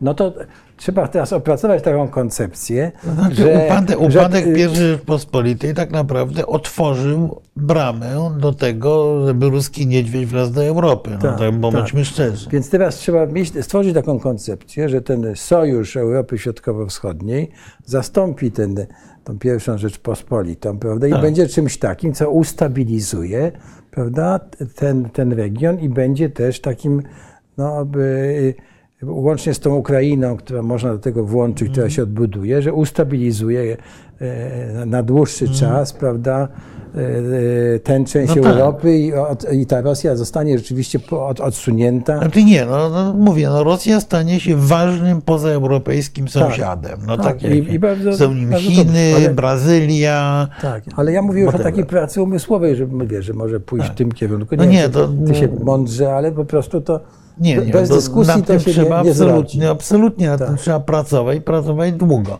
Ym, Tutaj widzę yy, idealne rozwiązanie dla USA. Polska nadstawia tyłek za wszystkich w regionie. Jak widać, tylko my się zbroimy, reszta jakoś poza Bałtami ma wywalone. Yy, Koniec cytatu. No, ja, yy, nie tylko my się zbroimy. Ja się przyglądałem dość dokładnie programom. Yy, Bardzo mocno inwestuje Skandynawia, bardzo mocno inwestuje Rumunia yy, w uzbrojenie. Również, yy, również nasze kraje sąsiedzkie, również Niemcy jednak będą Francuzi też się zbroją, w tak. to inwestowały. Zbroją się Francuzi. Nie, to y, być może wolniej niż my, ale ja powtarzam, y, nie kupujcie Państwo takich y, zbitek propagandowych. Ja y, przywołuję cały czas tą jedną rzecz. Dlaczego Polska jest w tej chwili największym importerem rosyjskiej ropy? a jednocześnie chodzi po Europie i krzyczy, że wszyscy powinni zrezygnować i są wstrętni, jak, jak, jak przypadkowo nie, nie, nie rezygnują z zakupów w Rosji. No, ym, bądźmy realistami, dzia, działajmy y, w sposób rozsądny i y, doceniajmy to, co robią inni, y, również wtedy, kiedy trzeba ich krytykować, bo oczywiście niemiecki program y, zbrojeń jest za słaby na, na niemiecką skalę, na niemieckie możliwości powinien być większy. Ale, ale mówię, doceńmy to, że choćby niemieckie patrioty są w tej chwili w Polsce i na Słowacji na przykład, żeby chronić te kraje, tak? To, to, to nie są patrioty, yy, yy, Nowe. które, tak, które tutaj przy, przy, przyleciały nie wiadomo skąd, tylko z niemiecką obsługą, w niemieckim systemie logistycznym i tak dalej. Wobec tego nie mówmy, że Niemcy nic nie robią, ale powinny robić więcej. Tak. Pan Tutaj pada- padło pytanie o Naddniestrze. No właśnie, No, Naddniestrze? Naddniestrze to... Właściwie, ja mi się wydaje, że ci właściciele w cudzysłowie Naddniestrza to by wcale nie są z tej wojny zadowoleni, bo przecież ona im psuje Nie, nie, no, jest interesy. kom, kompletnie im zepsuła interesy, bo bądźmy szczerzy, z kolei Ukraina w długi czas to Naddniestrze utrzymywała, tolerując gigantyczny przemysł, który był głównym, Tak. głównym źródłem utrzymania tego, tego mafijnego układu, tak, Tak. czy tych struktur mafijnych i, i co z nimi będzie, no e, nie wiadomo, zobaczymy. No może No je, je, jeżeli się dobrze po, znowu, jeżeli dobrze poukłada się przebieg wojny, to Naddniestrze umrze w sposób naturalny i się zintegruje ponownie z Mołdawią. tak. Że Jeżeli, jeżeli Rosjanie będą wygrani, to ten cierń będą hodowali do, do, do, do bez końca. Tutaj mamy kolejny pomysł, że Polska stała się, ja to, przepraszam, tak przyspieszam, ale chciałbym się Polska zmieścić. musi stać się Izraelem. No Nie, to nie, nie, o tak. tym projekcie bycia Izraelem raczej mówi Ukraina. E, Tak, ale e, to jest chyba... E, Tak, no to ten pan człowiek Xboxa jest, który pisze ze Stanów jest szalenie optymistyczny. Ja mam wrażenie, że po prostu e, no, e, nie jesteśmy w tym miejscu co Izrael i nie mamy takich sąsiadów jak Izrael, żeby być kompletnie, kompletnie samodzielni, a poza tym Izrael jest, nie jest samodzielny, bo ma amerykański parasol. Yy, Więc yy, sprawa jest oczywista, natomiast Amerykanie Polskę, pamiętajcie Państwo, traktują jako część wspólnot europejskich. y, i naszym interesem jest traktowali jako poważną część, jako ważną, ale nie próbujmy sypać piasku w tryby relacji amerykańskich z innymi partnerami europejskimi, ponieważ dostaniemy rykoszetem wtedy. Tak. Tutaj pisze pan White Eagle albo pani. W umowie koalicyjnej niemieckiego rządu jest federalizacja Europy. Oprócz tego Niemcy chcą, by panowało prawo większości, a nie jednomyślność. Wnioski z tego nie kojarzą nam się dobrze. No owszem, no ale właśnie Ale- powiedziałem, że w momencie, kiedy Europa się rozszerzy, tak, jest federalizacja Europy, ale w momencie, kiedy Europa się rozszerzy, to należałoby poważnie się zastanowić. Ja nie rozstrzygam, czy na pewno, ale poważnie się zastanowić, czy taka federalizacja nie będzie wtedy w polskim interesie. Znaczy, ja Yy, uważam- I, I powinniśmy się temu bardzo dokładnie przyjrzeć. Wydaje się, że to jest droga dla Europy. Droga długa, wyboista, ale jest jakaś droga dla Europy na przyszłość. Ja uważam, że federalizacja Europy jest y, rzeczą, która się zdarzy, że jest w naszym interesie i bym tego nie demonizował, bo federalizacja Europy i, i ta większość oczywiście może być też dla nas szansą, oczywi- bo my możemy, e, no tutaj pani Katarzyna, nasza e, e, Katarzyna Zińska mówiła o, o takim możliwościach zawierania sojuszy, tak? czyli ta zdolność koalicyjna wchodzi w grę. Więc oczywiście trzeba mieć tą zdolność koalicyjną wewnątrz Unii również, żeby tam być. Ale nie należy się bać, e, proszę Państwa, tej federalizacji głosowania większością, bo może być tak, że... e, No, na, na razie y, mamy Węgrów, którzy tak, żeby- że jedno dowodzą, państwo- że, że, głosowe, że zasada weta Tak. może Europie bardzo szkodzić i, i I- ciekawe, co my na to mówimy. No. Tak, i proszę Państwa, jeżeli nie będzie głosowania większość, większością, to zdolność Rosji czy innych wrogów Europy manipulowania głosowaniami będzie znacznie większa. Także ja bym wcale nie był taki pewien. To oczywiście jest wyzwanie, trzeba się tego przygotować. Znaczy na pewno trzeba nad tym bardzo poważnie zastanowić, y, nie odrzucając ideologicznie żadnego z rozwiązań. Ideologicznie nic nie odrzucamy. Zawsze e, we wszystkich strukturach Mhm. No nie, nie, ale to jest właśnie takie myślenie, że y, nie jedno federalizację Europy, bo to jest jakiś fetysz. No, policzmy sobie, czy tam się ona nie opłaci. Być może nie, ale, y, ale bym nie przesądzał. No ale z drugiej strony może być tak, że będziemy potrzebowali wsparcia europejskiego, a ktoś się sparaliżuje, tak? Nawet, Mhm, nawet jak będzie to rozbite głosowanie, prawda? No i, i co wtedy? E, No właśnie, Whitaker tutaj dodaje, że już Niemcy nie zgadzają się, że w Polsce budowano elektrownie atomowe. Rzeczywiście Nie, coś, Znaczy e, nie co, Niemcy, co, tylko je- jeden, No nie, no- premier jednego No tak, landu. ale, ale rzeczywiście tak? z Niemiec takie sygnały płyną. Natomiast ja zwracam uwagę na coś innego. Otóż yy, w Europie, która jest Europą traktatową, Europą złożoną z państw, zawsze ciężar gatunkowy i głos najsilniejszego jest bardzo istotny. W sytuacji, kiedy Europa, jak mówię, poszerzona, głosuje większościowo, no to nagle się okazuje, że ci Niemcy nie mają większości. Prawda? tak. Yy, Znaczy, dla nich jest to w momencie, bardziej niebezpieczne Eu- niż dla nas. Europa konfederacyjna jest wygodna dla dużych No właśnie. bo, bo w tym przypadku, jakbyśmy na przykład mieli y, na poziomie europejskim zakazać budowy elektrowni, to byśmy mieli Francję za Nie, sobą. no to mamy większo, To- no ogromną większość, za y, sobą, y, ponieważ wszyscy z no, wyjątkiem Niemców, którym Tak. w pewnym momencie od, odjechało coś z tymi no, elektrowniami no bo mi się atomowymi. że, że można tak daleko... Bo był to element wewnętrznej kampanii wyborczej, y, ogłupili dużą Tak, część elektoratu Y, y, i Niemcy są an- anty, antyatomowi, ale prawie nikt inny w Europie, więc jakby było głosowanie większościowe, to mi powiedzieli na drzewo y, i ogromna większość y, głosujących byłaby Tak. ale za utrzymaniem atomu. Tutaj były też komentarze dotyczące w telewizorku, mówią inaczej. Proszę Państwa, no... No nie, nie, my- to, to my- była chyba taka drobna ironia. Ironia, właśnie. tak, ale chciałbym też zwrócić uwagę, tak, że naszą, ma, manipuluje się naszą pamięcią, znaczy nawet y, nasz rząd, prawda, i to nie mówię, że, że tylko ten czy inny, ale w ogóle, że rządzący też manipulują naszymi, naszymi poglądami, prawda, i tak dalej, i tak dalej. Nie, da, nie dawajmy się w to wpuścić. No. My, myślmy, że tak powiem, i zachowajmy otwarte umysły. Tak. No tu, tutaj jest głos Virginia Woolf. Ym, e, że jesteśmy, że nie ma demokracji decyzyjnej z USA i tak dalej, no o czym w ogóle ta gadka, no.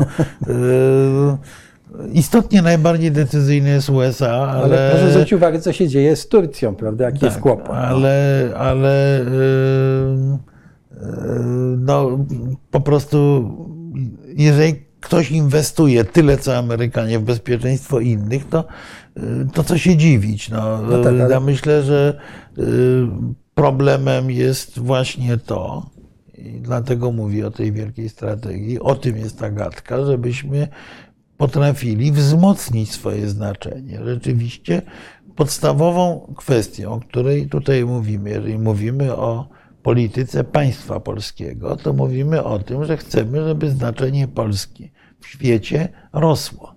Yy, I, I o tym jest ta gadka.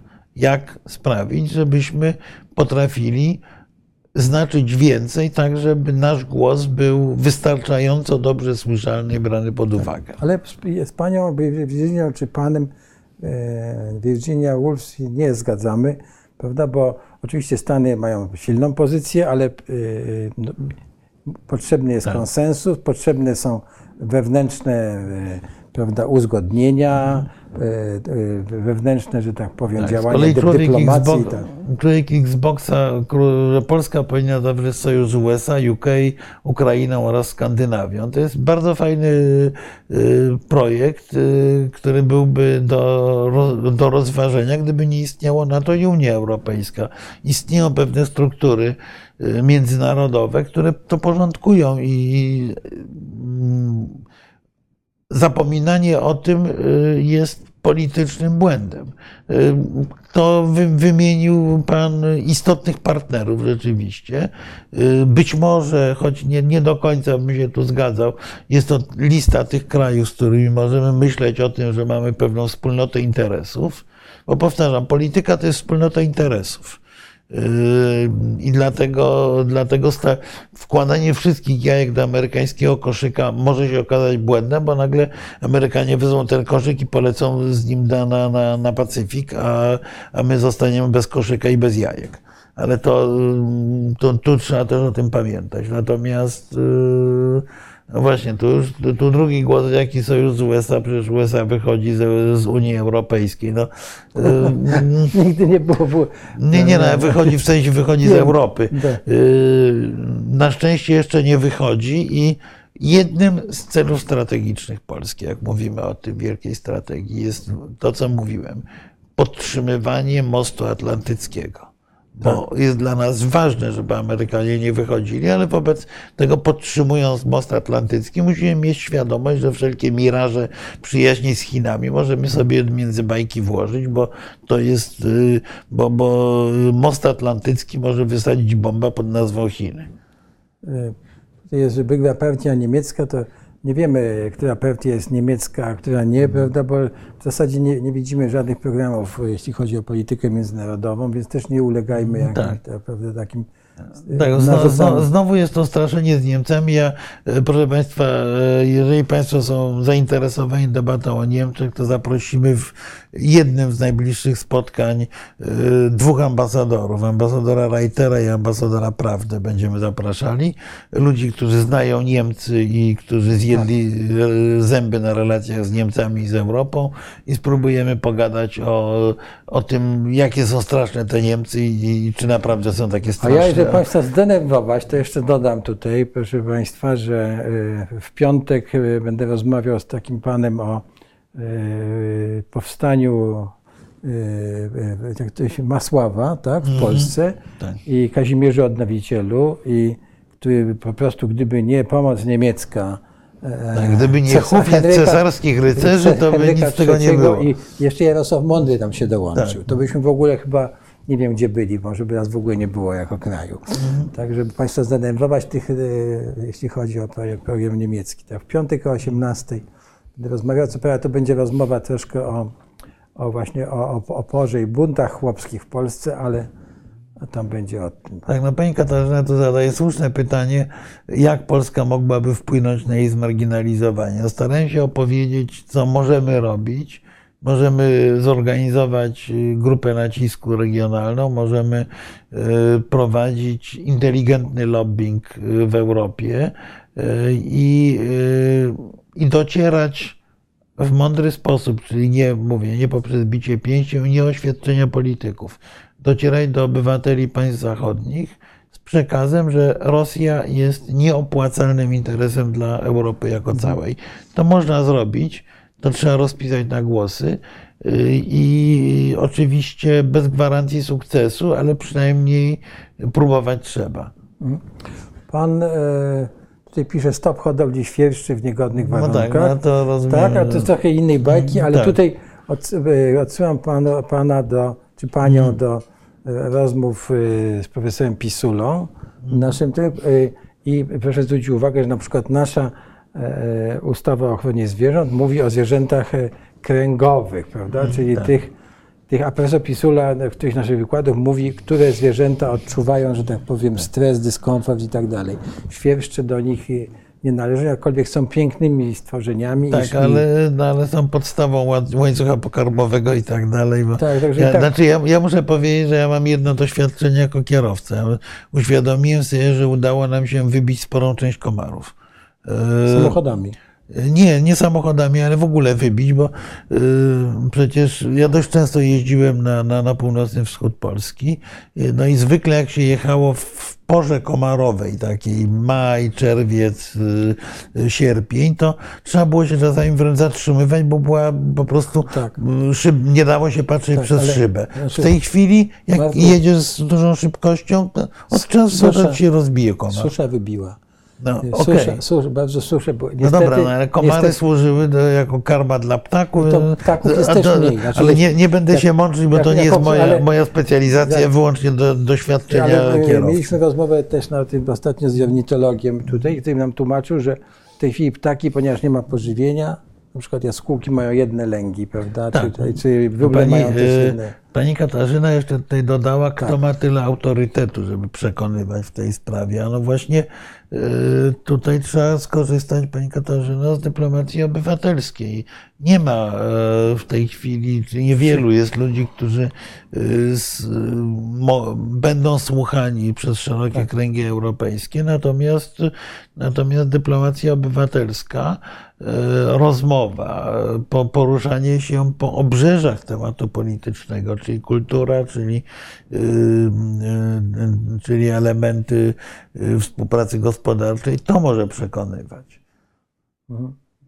Tutaj pan e, Paweł Czapski pytał, mówił coś o jakiejś książce tłumaczonej na angielski i myślę, że właśnie mówił o tym, żeby coś zacząć. My tu mówiliśmy o tym, żeby przetłumaczyć pana Owszem, ten, ten, tak. prawda, naszego pana e, Bączkowskiego, prawda, tak. s- e, sowietologa, ale e, tak, to jest e, tłumaczenie książek na angielski, to jest e, część tej dyplomacji, Tak, o której dokładnie. mówiliśmy. Proszę zwrócić i uwagę, że u nas te wszystkie na przykład skandynawskie kryminały, to jest wszystko tłumaczone za szwedzkie czy norweskie pieniądze, czy Oczywiście. fińskie na, na polski. Także Oczywiście, że tak. No to, to jest tak. To jest zresztą też jeden z elementów właśnie mądrze, roz, mądrze prowadzonej dyplomacji. No, być może zamiast kupować sobie jakieś wille, to, to, to lepiej dać te pieniądze na dobre tłumaczenia i ich rozpowszechnienie. Tak, albo wesprzeć think tanki, o których Tak. mówiliśmy, prawda? No. Putin swoją głupotą tak i tak dalej. Znaczy, jak mówię, to nie. Tak, to, to jest tu, tutaj zgoda. Tutaj tylko, zgoda, nam szansę. Tak, to do, do, do, do, otworzyła się przed nami, mówiąc elegancko, koniunktura historyczna. No i jak, jak ją wykorzystamy, tak nasze wnuki nas ocenią. Tak. E, A swoją drogą to jest ciekawe, tak, wiesz, tak się zastanawiałem, jak patrzę na tą wojnę, że e, w podręcznikach e, tam za 100 lat, jak będzie ten, ta wojna opisywana, jak ona będzie Mhm. opisywana w procesie, e, Tak. czy, ona, czy to będzie proces zakończenia rozpadu Związku Sowieckiego, czy myślę, proces kształtowania się myślę, że Europy? nie. Myślę, myślę że nie tylko Europy. Ja myślę, że, to by, że ta wojna. Oczywiście nie jestem prorokiem, więc nie wiem, ale ja zakładam, że ta wojna będzie opisywana jako e, początek nowego no, no, no, nowego układu globalnego, narodzenie się nowego kon, globalnego koncertu mocarstw. Czyli Zobaczymy, jak to wpłynie na Europę, tak swoją drogą, ale Czy myślisz, że to, czyli to będzie takie wydarzenie jak wojna 30-letnia? e, no myślę, że będzie, westfalski, e, czyli- myślę, że może to być e, kiedyś odczytane jako Kongres taka wiedeński? no, ja- być może nawet jak początek wojny światowej, bo Mhm. te, te konflikty prawdopodobnie jeszcze się w paru miejscach przynajmniej przerodzą w Mhm. wojnę. No tak twierdzi, twierdzi Pegasus w Polsce, początek wojny. I No ja, ja I- mam poważną obawę. niestety tak, właśnie. No tak, no jesteśmy pionkiem. Nie, no nie jesteśmy pionkiem. Jesteśmy średniej wielkości krajem z ambicjami, żeby być y, y, średnio ciężkim graczem. Tak, ale żeby być. Właściwie to jest to, że jesteśmy średnim krajem, to jest nasza ogromna zaleta, bo nie jesteśmy małym, tak? Ale. Mhm. To znaczy nie, no to jest, To również, jest- również wada, bo małe kraje nie mają z kolei ambicji, a y, średnie mają ambicje, no ale my jesteśmy krajem średnim, który wręcz może ewoluować do, do, do, do, do półciężkiego. Ale słuchaj, ambicja jest zaletą, tylko po Jest prostu zaletą, zależy owszem. jak się ją, z, jaka ona jest, jak się ją zrealizuje, tak, jak tylko- się no tak, tylko- to co mówimy w strategii i tak dalej. Tak, no, Nie trzeba się, zgadza się się. po- pozbawiać e, am- ambicji i, prawda, i, i, i marzeń. Chińska bajka, pan cennie ten... Długie wstępy mamy, godzina mowy o tym samym, na każdym spotkaniu pomówmy, więc Uzbecy zdecydują na cel po wojnie E, talibów. Drugi ważny news to rząd Mołdawii. Skorzysta Rosja czy Zachód? E, No mo- rzeczywiście tutaj, ale mam wrażenie, panie Michale, że to jest pewien podział, że część osób z kolei woli debatę geopolityczną bardziej szczegółową. E, Ja myślę, że e, ja myślę, że e, pytanie o e, o rozwój wydarzeń w Afganistanie mnie trochę przerasta. E, Czy Uzbecy dadzą sobie radę z talibami? E, Nie wiem. Miejmy nadzieję, ale to jest e, jakby zupełnie odrębna historia. Natomiast, e, natomiast e, rzeczywiście e, zmiana, e, zmiana rządu w Mołdawii e, jest rzeczą ważną i pytanie, Pytanie tak naprawdę brzmi, na ile, e, na ile pani Gawrila e, ustąpiła, bo, ustąp, bo, bo, bo, bo jest naciskana przez Rosjan, i pod, pod wpływem obawy przed demonstracjami i zamachami, a na ile ustąpiła, przesuwając całość odpowiedzialności w ręce Mai Sandu, no bo e, nowy premier Raechan, czy Re, Re, Re, Rechan, y, jest człowiekiem z najbliższego otoczenia pani prezydent, ale ostrzegali już przed tym, ostrzegał przed tym wywiad ukraiński, to zresztą widać w różnych działaniach rosyjskich, Rosjanie będą próbowali wysadzić w powietrze Mołdawię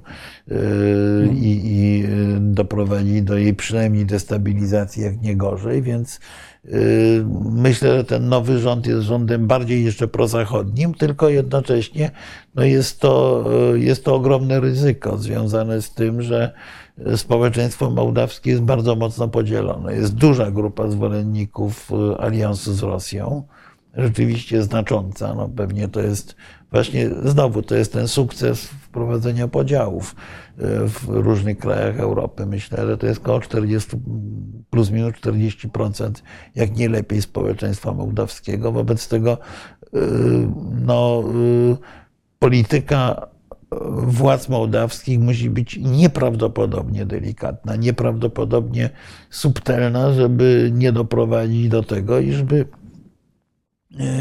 prorosyjskie siły po prostu zyskały większość. No, e, ten, ta rezygnacja z rządu jest oczywiście zawsze o tyle dobra z punktu widzenia naszego, czyli zachodniego interesu, yy, jest o tyle dobra, że zawsze nowy rząd ma pewien kredyt zaufania. Jeżeli w sytuacji toczącej się wokół wojny yy, potrafi ustabilizować sytuację, będzie dobrze. Także raczej nowy rząd jest, przepraszam, antyrosyjski niż, niż prorosyjski w sensie przynajmniej celów, ale, ale chyba również postaw, po, postaw ministrów. To jest pytanie jest o to, e, o prawdopodobieństwo rozwiązania kontraktów zbrojeniowych z, z, USA, z USA, y, Wielką Brytanią czy Koreą w przypadku zwycięstwa opozycji w wyborach.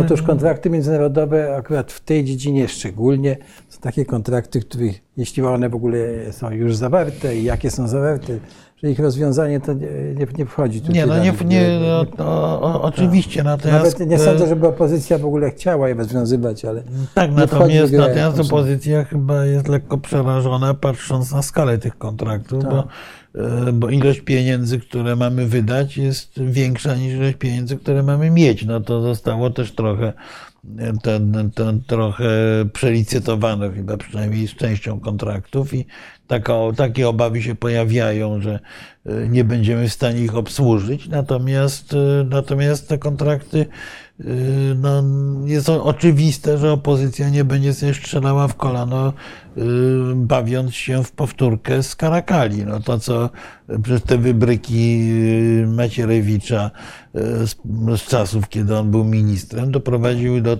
przypominam, do jeden drobiazg, że rządy poprzednie pod, podpisały umowę, nie kontrakt jeszcze, umowę na dostarczenie ośmiu baterii Patriot do roku 2026. Połowę tych Patriotów byśmy już mieli. Na razie mamy dwie baterie, ponieważ wszystko zostało nagle na dwa lata zahamowane. I obawiają się nasi partnerzy, i zwłaszcza koreańscy, ale również amerykańscy, żeby nie, nie, nie, nie pojawiła się podobna tenden- tendencja i z tego co wiem, ze środowisk opozycyjnych idą jednoznaczne zapewnienia, że nie, że tak nie będzie. Mhm. Dobra, tyle możemy powiedzieć. Yy, Słuchaj, jest, yy, przekroczyliśmy już 20. Tak, to Czyli- przyspieszamy odpowiedzi. Tak, albo mo- E, Wybieraj. e, z Markiem Budziszem, Jackiem Wartosiakiem. Znaczy tutaj, Bardzo panie. Pawle, no, ro, rozmawiamy o tym, może nie książkę wspólnie, bo, bo, bo Jacek pisze szybko, dużo i często po angielsku. Natomiast pewnie warto, pewnie warto rzeczywiście po angielsku o tej toksyczności Rosji więcej pisać. Ja nawet ostatnio coś, coś pisałem po angielsku, zresztą na Ukrainie na ten temat. Było zabawniej. E, Dlaczego politycy- Czy całkowita blokada przejścia granic nie będzie katastrofą dla Rosji i Białorusi? Nie. Nie. E, Na razie tranzytu z Chin jeszcze nie blokujemy przez Małaszewicze, więc a to, to rzeczywiście byłoby uderzenie. Natomiast e, na, na razie te blokady są symboliczne. Zobaczymy, jak się sytuacja rozwinie. E, w Zamknięcie Bobrownik było, było, było, było bardziej symbolem niż, niż uderzeniem gospodarczym. Teraz y, y, jeszcze jest pytanie, dlaczego omijają y, Skandynawię i Finlandię nasi politycy? No To jest, już bardzo, mówiliśmy- do, to jest bardzo dobre pytanie. Ja tego nie rozumiem. Też nie Uważam rozumiem. to za błąd absolutnie kardynalny. Yy, Natomiast Być może tutaj, boją się pytania o wiarygodność i stan naszej znaczy w, demokracji. znaczy w pewnym momencie właśnie debata o Tak. praworządności spowodowała, że, że zaczęliśmy omijać tych partnerów, co było ciężkim błędem.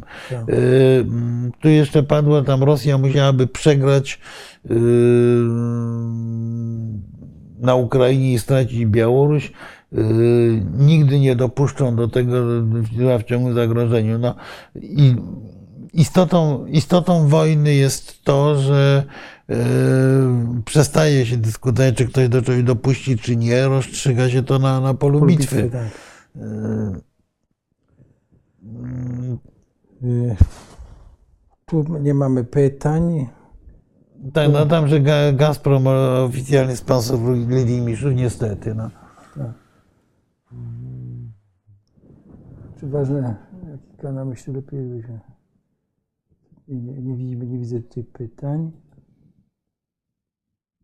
E, tak, nawet Ukraina, to jest ważna rzecz, nie popiera białoruskiej opozycji. Dokładniej rzecz biorąc, to- jest tak, że Ukraina, mam wrażenie, hoduje sobie własną białoruską opozycję na bazie pułku. E, Na to by wskazywała ostatnia wizyta z Janona Paźniaka e, w Kijowie. Natomiast to jest bardziej skomplikowana sprawa, bo Ukraina nie zerwała stosunków dyplomatycznych z Białorusią. Dla Ukrainy sytuacja, w której y, Białoruś no, nie do końca włączyła się w wojnę, jest y, w sensie strategicznym bardzo cenna. I po- po- podejrzewam, że Ukraińcy po pierwsze starają się nie zerwać do końca e, relacji z obecnym reżimem białoruskim, licząc, że powstrzymają Białorusinów od przyłączenia się do wojny, a równocześnie e, ewidentnie e, obecne władze Ukrainy nie lubią serdecznie Swietłany Tichanowskiej e, i, i rzeczywiście odmawiają dialogu z nią w jakimkolwiek sensie, co jest błędem. No i zresztą na nas naciskają, że najlepiej, żebyśmy też z nimi nie rozmawiali, że była no, nieprzyjemna historia w, przy obchodach rocznicy powstania styczniowego, kiedy to naciski ukraińskie sprawiły, że liderka Białorus, demokratycznej Białorusi nie zabrała głosu na, na obchodach tej rocznicy, więc to, to jest rzeczywiście sprawa przykra, no ale ale, no, ale trzeba nad tym pracować, jak rozumiemy. My, tak, no, trzeba po prostu próbować budować ten dialog i myślę, że tutaj rola Polski jest na tyle istotna, że powinniśmy, ale właśnie elementem tego naszej wielkiej strategii musi być również świadomość, jakie mamy interesy na Ukrainie, na Białorusi, jakie narzędzia powinniśmy użyć, żeby y, również potencjalne zgrzyty naszych sojuszników i partnerów y, tonować, a z tym, z tym jest różnie, bo to no, no, kuchni dyplomatycznej nie, nie, lepiej nie ujawniać, ale, ale nie, być może nie włożyliśmy w to wystarczająco dużo wysiłków. Nie mówię o, nie mówię o, o, o tym ostatnim incydencie, tylko jeszcze wcześniej. Pan Paweł Czapski zwracał uwagę, że należałoby zebrać y, te think tanki polskie i spróbować zacząć opracowywać tą y, wielką strategię. To jest y, bardzo dobry pomysł, z tym, że myślę, wydaje, że jeśli chodzi o Ośrodek Studiów Wschodnich i PISM, to by oni to musieli są, zyskać zgodę znaczy, z, To są instytucje szefów. rządowe i to jest problem, że, No. e, że większość instytucji e, analitycznych e, polskich jest rządowa po prostu, a e, z mojej własnej praktyki. Pamiętam taką rozmowę, jak jak mi próbowano stworzony przeze mnie kiedyś Ośrodek Studiów Międzynarodowych, współtworzony przeze mnie, nie stworzony, tak, Ośrodek Studiów Międzynarodowych w Senacie, Senacie. chciano właśnie przenieść do jakiejś instytucji rządowej, na co ja ówczesnemu ministrowi, który chciał to zrobić, powiedziałem, że jak potrzebujesz, mój drogi, biura do uzasadniania swoich świetnych, świetnych pomysłów, to sobie go załóż, ale istotą think tanku jest to, że on jest niezależny i nie, nie, nie może być wewnątrz struktur rządowych. I, y, y, próby takiej, takiej debaty, rozmowy są podejmowane. W przyszłym tygodniu chyba ze trzy tego typu debaty się odbędą, y, ale, ale niestety jest tego wciąż za mało. Dobrze, jedziemy dalej z pytaniami, ale dajmy sobie jeszcze pięć minut. Tak, dobrze? to już ostatnie, Dobra. tak. To nawet ostatnie. Tutaj no, mają Państwo uwagi na Tak, no Ukraina pieniędzy. nie odwołała, tak, to jest jakby ta, ta część yy, dyskusji Ukraina-Białoruś. Tak. Yy, studia w, w, Polsce są obecnie nieuznawane na Białorusi. No, y, nie to problem Białorusinów raczej niż no, nasz. Znaczy to jest, to jest nie tyle problem Białorusinów, ile jest to retorsja łukaszenkowska tak. skierowana w tych młodych ludzi, którzy studiują w Polsce. Polsce no, oczywiście, tak. Oni ale... i tak pewnie nie wrócą, do, dopóki się nie zmieni reżim. To jest raczej inwestycja w przyszłość. Tak. Y, czy użycie broni atomowej na Ukrainie y, nie doprowadzi do wojny pełnoskalowej tak, z NATO. To jest bardzo możliwe. Zależy jak zostanie użyta i kiedy. Tak. Poza tym yy, użycie broni atomowej na Ukrainie przez Rosję byłoby nielogiczne. Myślę, że, oni, że jeżeli Rosjanie, czego nie wykluczam niestety, użyliby broni atomowej, to, to już by, to, to byłoby to wtedy, była to świadoma wtedy eskalacja wymierzona w kraje NATO. Tutaj y, pan SW, który chyba jest jakimś trolem, zwraca uwagę, że szkoda, wielka strategia nie stawia na pierwszym miejscu Polaków. To jakiś no. zły wniosek wysnuł. To znaczy taki no, tak, wniosek, tak, mówiąc, e, a tu jeszcze jest zgoda dalej a, tak. jednego z dyskutantów, więc ja, ja bym powiedział, że to jest, to jest absurd. No, mowa o wielkiej strategii, jest mowa o polskiej strategii, czyli stawiającej właśnie Polskę na pierwszym miejscu. Tak, dokładnie. I dobro, I dobro obywateli, po to jest wielka strategia. Żeby, po to jest wielka strategia, żeby, żeby zdefiniować i określić polskie interesy. Czyli, czyli interesy Przede wszystkim, więc dokładnie, polskich obywateli. więc dokładnie więc, to, to stawia na pierwszym Jakieś miejscu. tu jest niezrozumienie wielkie albo zła wola. To jest dobrze. Madagaskar już my mieliśmy, Szwajcaria już mieliśmy. E, Całe szkoda- tereny afrykańskie, gdzie jest złoto. Być może, nie, nie, Może. e, pamiętajmy, że to nie tylko pieniądze. E, To jest również kwestia zdolności e, interwencji w pewnym momencie. Tak, z Ursusem się nie udało, szkoda. No, Ursus, Ursus strasznie długo walczył, że tak powiem, o przetrwanie w Polsce i już nie chcę tutaj tego komentować, ale, ale miał szansę i naprawdę No, próbował. znaczy Afryka jest potwornie trudna. Tak. Afryka jest morderczo skorumpowana e, i e, rzeczywiście jest to trudny kontynent, co nie zmienia faktu, że po prostu trzeba jakoś e, tam, tam być. E, Skąd Polska ma gaz? Bo inw- inwestowała w Norwegii. No powiedzmy sobie szczerze, to jest tych inwestycji w Norwegii, w Norwegii to jest tam e, w granicach 2 miliardów metrów sześciennych, 10% potrzeb. Więcej mamy e, z, polski, z polskich odwiertów, a to i tak jest oczywiście za mało. Ale, ale dobrze, do, dobrze jest, że się inwestuje. Tak. No tutaj jest uwaga pana, że jeśli politycy lecą z biznesmenami, a nasi to le, lecą ze znajomymi. No. Nie, wiem, no to jest, to jest oczywiście prawda, tylko nasi politycy praktycznie do Afryki w ogóle nie jeżdżą. Tak. Więc, y, No kiedyś jechała pani Tała, jeszcze pani... yy, Nie, nie, no, by- były- Samolot się zepsuł, pamiętasz? tak, nie no, by, nie no, były jakie, to były pojedyncze wyjazdy, nie ma systemowego w ogóle Tak. spojrzenia na to. Y, Ale tutaj też się Rzeczywiście ta Nigeria była jakąś taką bardzo dyskusyjną kwestią. Tak. y, y, Dalej, to już ostatnie pytanie jeszcze weźmy sobie, dobrze? Y, i Takie będziemy Rosja była jest toksyczna. Szkoda, że niektórzy interesy budownicze, też o tym mówiliśmy. Zamiast płakać, trzeba przekonywać, im się te interesy nie opłacą. Cała, i- cała Tu mamy jeszcze pytanie, co sądzi, jak redaktor Warzecha zmasakrował redaktora Budzisza odnośnie do jakiegoś sojuszu z Ukrainą. Dziękuję. W końcu To znaczy, no tu, tutaj oczywiście, oczywiście obaj, obaj rozmówcy są ludźmi bardzo inteligentnymi i błyskotliwymi. Yy, I yy, znaczy ja, nie zgadzając się do końca z koncepcją Marka Budzisza o tym głębokim sojuszu z Ukrainą, jednocześnie yy, byłbym daleki od publicystycznego, yy, publicystycznej ir- irytacji yy, redaktora Warzechy, który z kolei kompletnie, kompletnie dezawuuje ten pomysł. No właśnie, ja, proszę Państwa, powtórzę, zadaniem nawet mądrych publicystów, a na pewno, y, a na pewno ekspertów z think tanków jest y, po prostu usiąść i sobie policzyć. Policzyć sobie na ile, jaki element się nam opłaca, na, na ile, pamiętajmy, że to jest trochę efekt skrzydeł motyla, na ile takie działania wpłyną na pozostałe inne y, elementy układanki międzynarodowej. No od tego są think tanki, od tego są takie instytuty.